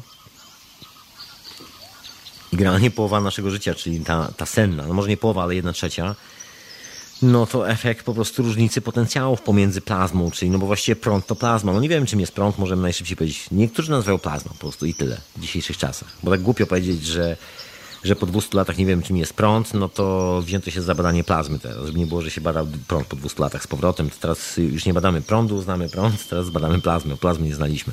Czy jakoś tak. Może, słuchajcie, no wygląda na to, że być może ten skok potencjału w kosmosie, który ma nastąpić, kiedy wyjdziemy, kiedy jakaś fala gruchnie z kosmosu, o której, o której starożytni mówią, może to właśnie jest to, słuchajcie, może to to no, różnica potencjałów. Może będzie odwrotnie, może właśnie zamiast wybuchnąć na Słońcu, Słoneczko sobie się wygaśnie. Na przykład zobaczymy statki kosmiczne, które sobie gdzieś tam parkują na przykład na Słońcu, albo cholera wie co. Albo coś w tym stylu, słuchajcie, e, możemy sobie spekulować wszystkimi możliwymi fantastycznymi opcjami, jakie, jakiekolwiek mamy. Jak na razie wszelkie metody i próby w ogóle na przykład zrobienia takiej kontrolowanej reakcji termonuklearnej fuzji, żeby zbudować coś w rodzaju mikrosłońca się jeszcze nie udało na świecie, natomiast właściwie każda lampa katodowa, każda lampa Geisslera, każda lampa Croxa, każda po prostu zwykła, normalna lampa neonowa pokazuje, że świat jest zbudowany w zupełnie inny sposób, że nie ma tam żadnej termonuklearnej fuzji, że po prostu jest coś, co, co jest zupełnie nie do pojęcia, przynajmniej z tej perspektywy, że to być może właśnie chodzi o to, żeby sobie przestawić w głowie myślenie, że to nie jest tak, że grawitacja nas przyciąga do Ziemi, tylko grawitacja nas dociska, czyli nie szukać pod nogami, tylko spojrzeć do góry troszeczkę, do góry i poszukać w ten sposób. Że nie do, do, słońca, do Słońca też dociska tą energię, że to nie Słońce wybucha od siebie, tylko jest dociskane. Jeżeli ta energia zostanie, bo ta energia ma, to jest na wykresie jak fala, tak jak wszystko, jest po prostu falą. Jeżeli trafi dokładnie tak, taki sam potencjał energetyczny, to przez chwilę zobaczymy taki dołek. Jak mamy sinusoidę, jak się to wszystko na siebie nałoży, będzie dołek i w tym momencie słonko może zgasnąć. Taka heca. A nasza głowa, a nasza głowa może skoczyć do zupełnie innego wymiaru, tak jak się dzieje pod e, wpływem substancji psychoaktywnych, kiedy właśnie w zabawny sposób często jest wyłączany nasz rdzeń nerwowy właśnie po to, żeby nie odbierał tego rezonansu ze świata zewnętrznego, albo żeby go zbalansował w taki sposób, że on się właściwie sam wytłumia, tak jak na przykład po salvi divanorum, po psylocybinie, że on się po prostu sam wytłumia. Jakby impulsy z zewnątrz są bardzo zharmonizowane i w tym momencie nagle się okazuje, że otwierają się drzwi do zupełnie innych wymiarów, zupełnie innych spraw w naszej głowie. Taka ciekawa rzecz. No ja to się siedzę i zastanawiam, jak zawsze widzę, widzę te starożytne rysunki z Egiptu, ludzi kierujących swoje ręce w kierunku Boga Ra, i w ogóle to znaczenie słońca, te wszystkie rysunki słońca, to, że starożytni rysowali słońce w różnych stanach skupienia, jakby to miało w ogóle jakieś znaczenie, no bo się okazuje, że właśnie być może ma. Pamiętacie, ostatnio była na słońcu taka duża, gigantyczna, czarna plama, której wyjaśnić nikt nie mógł. Plama obracała się wolniej niż strumień energii dookoła słońca. To fenomen. Fenomen. Także no, koniec końców, y, może na początku brzmi fantastycznie, ale może zamiast katastrofy, tak naprawdę, takiej jak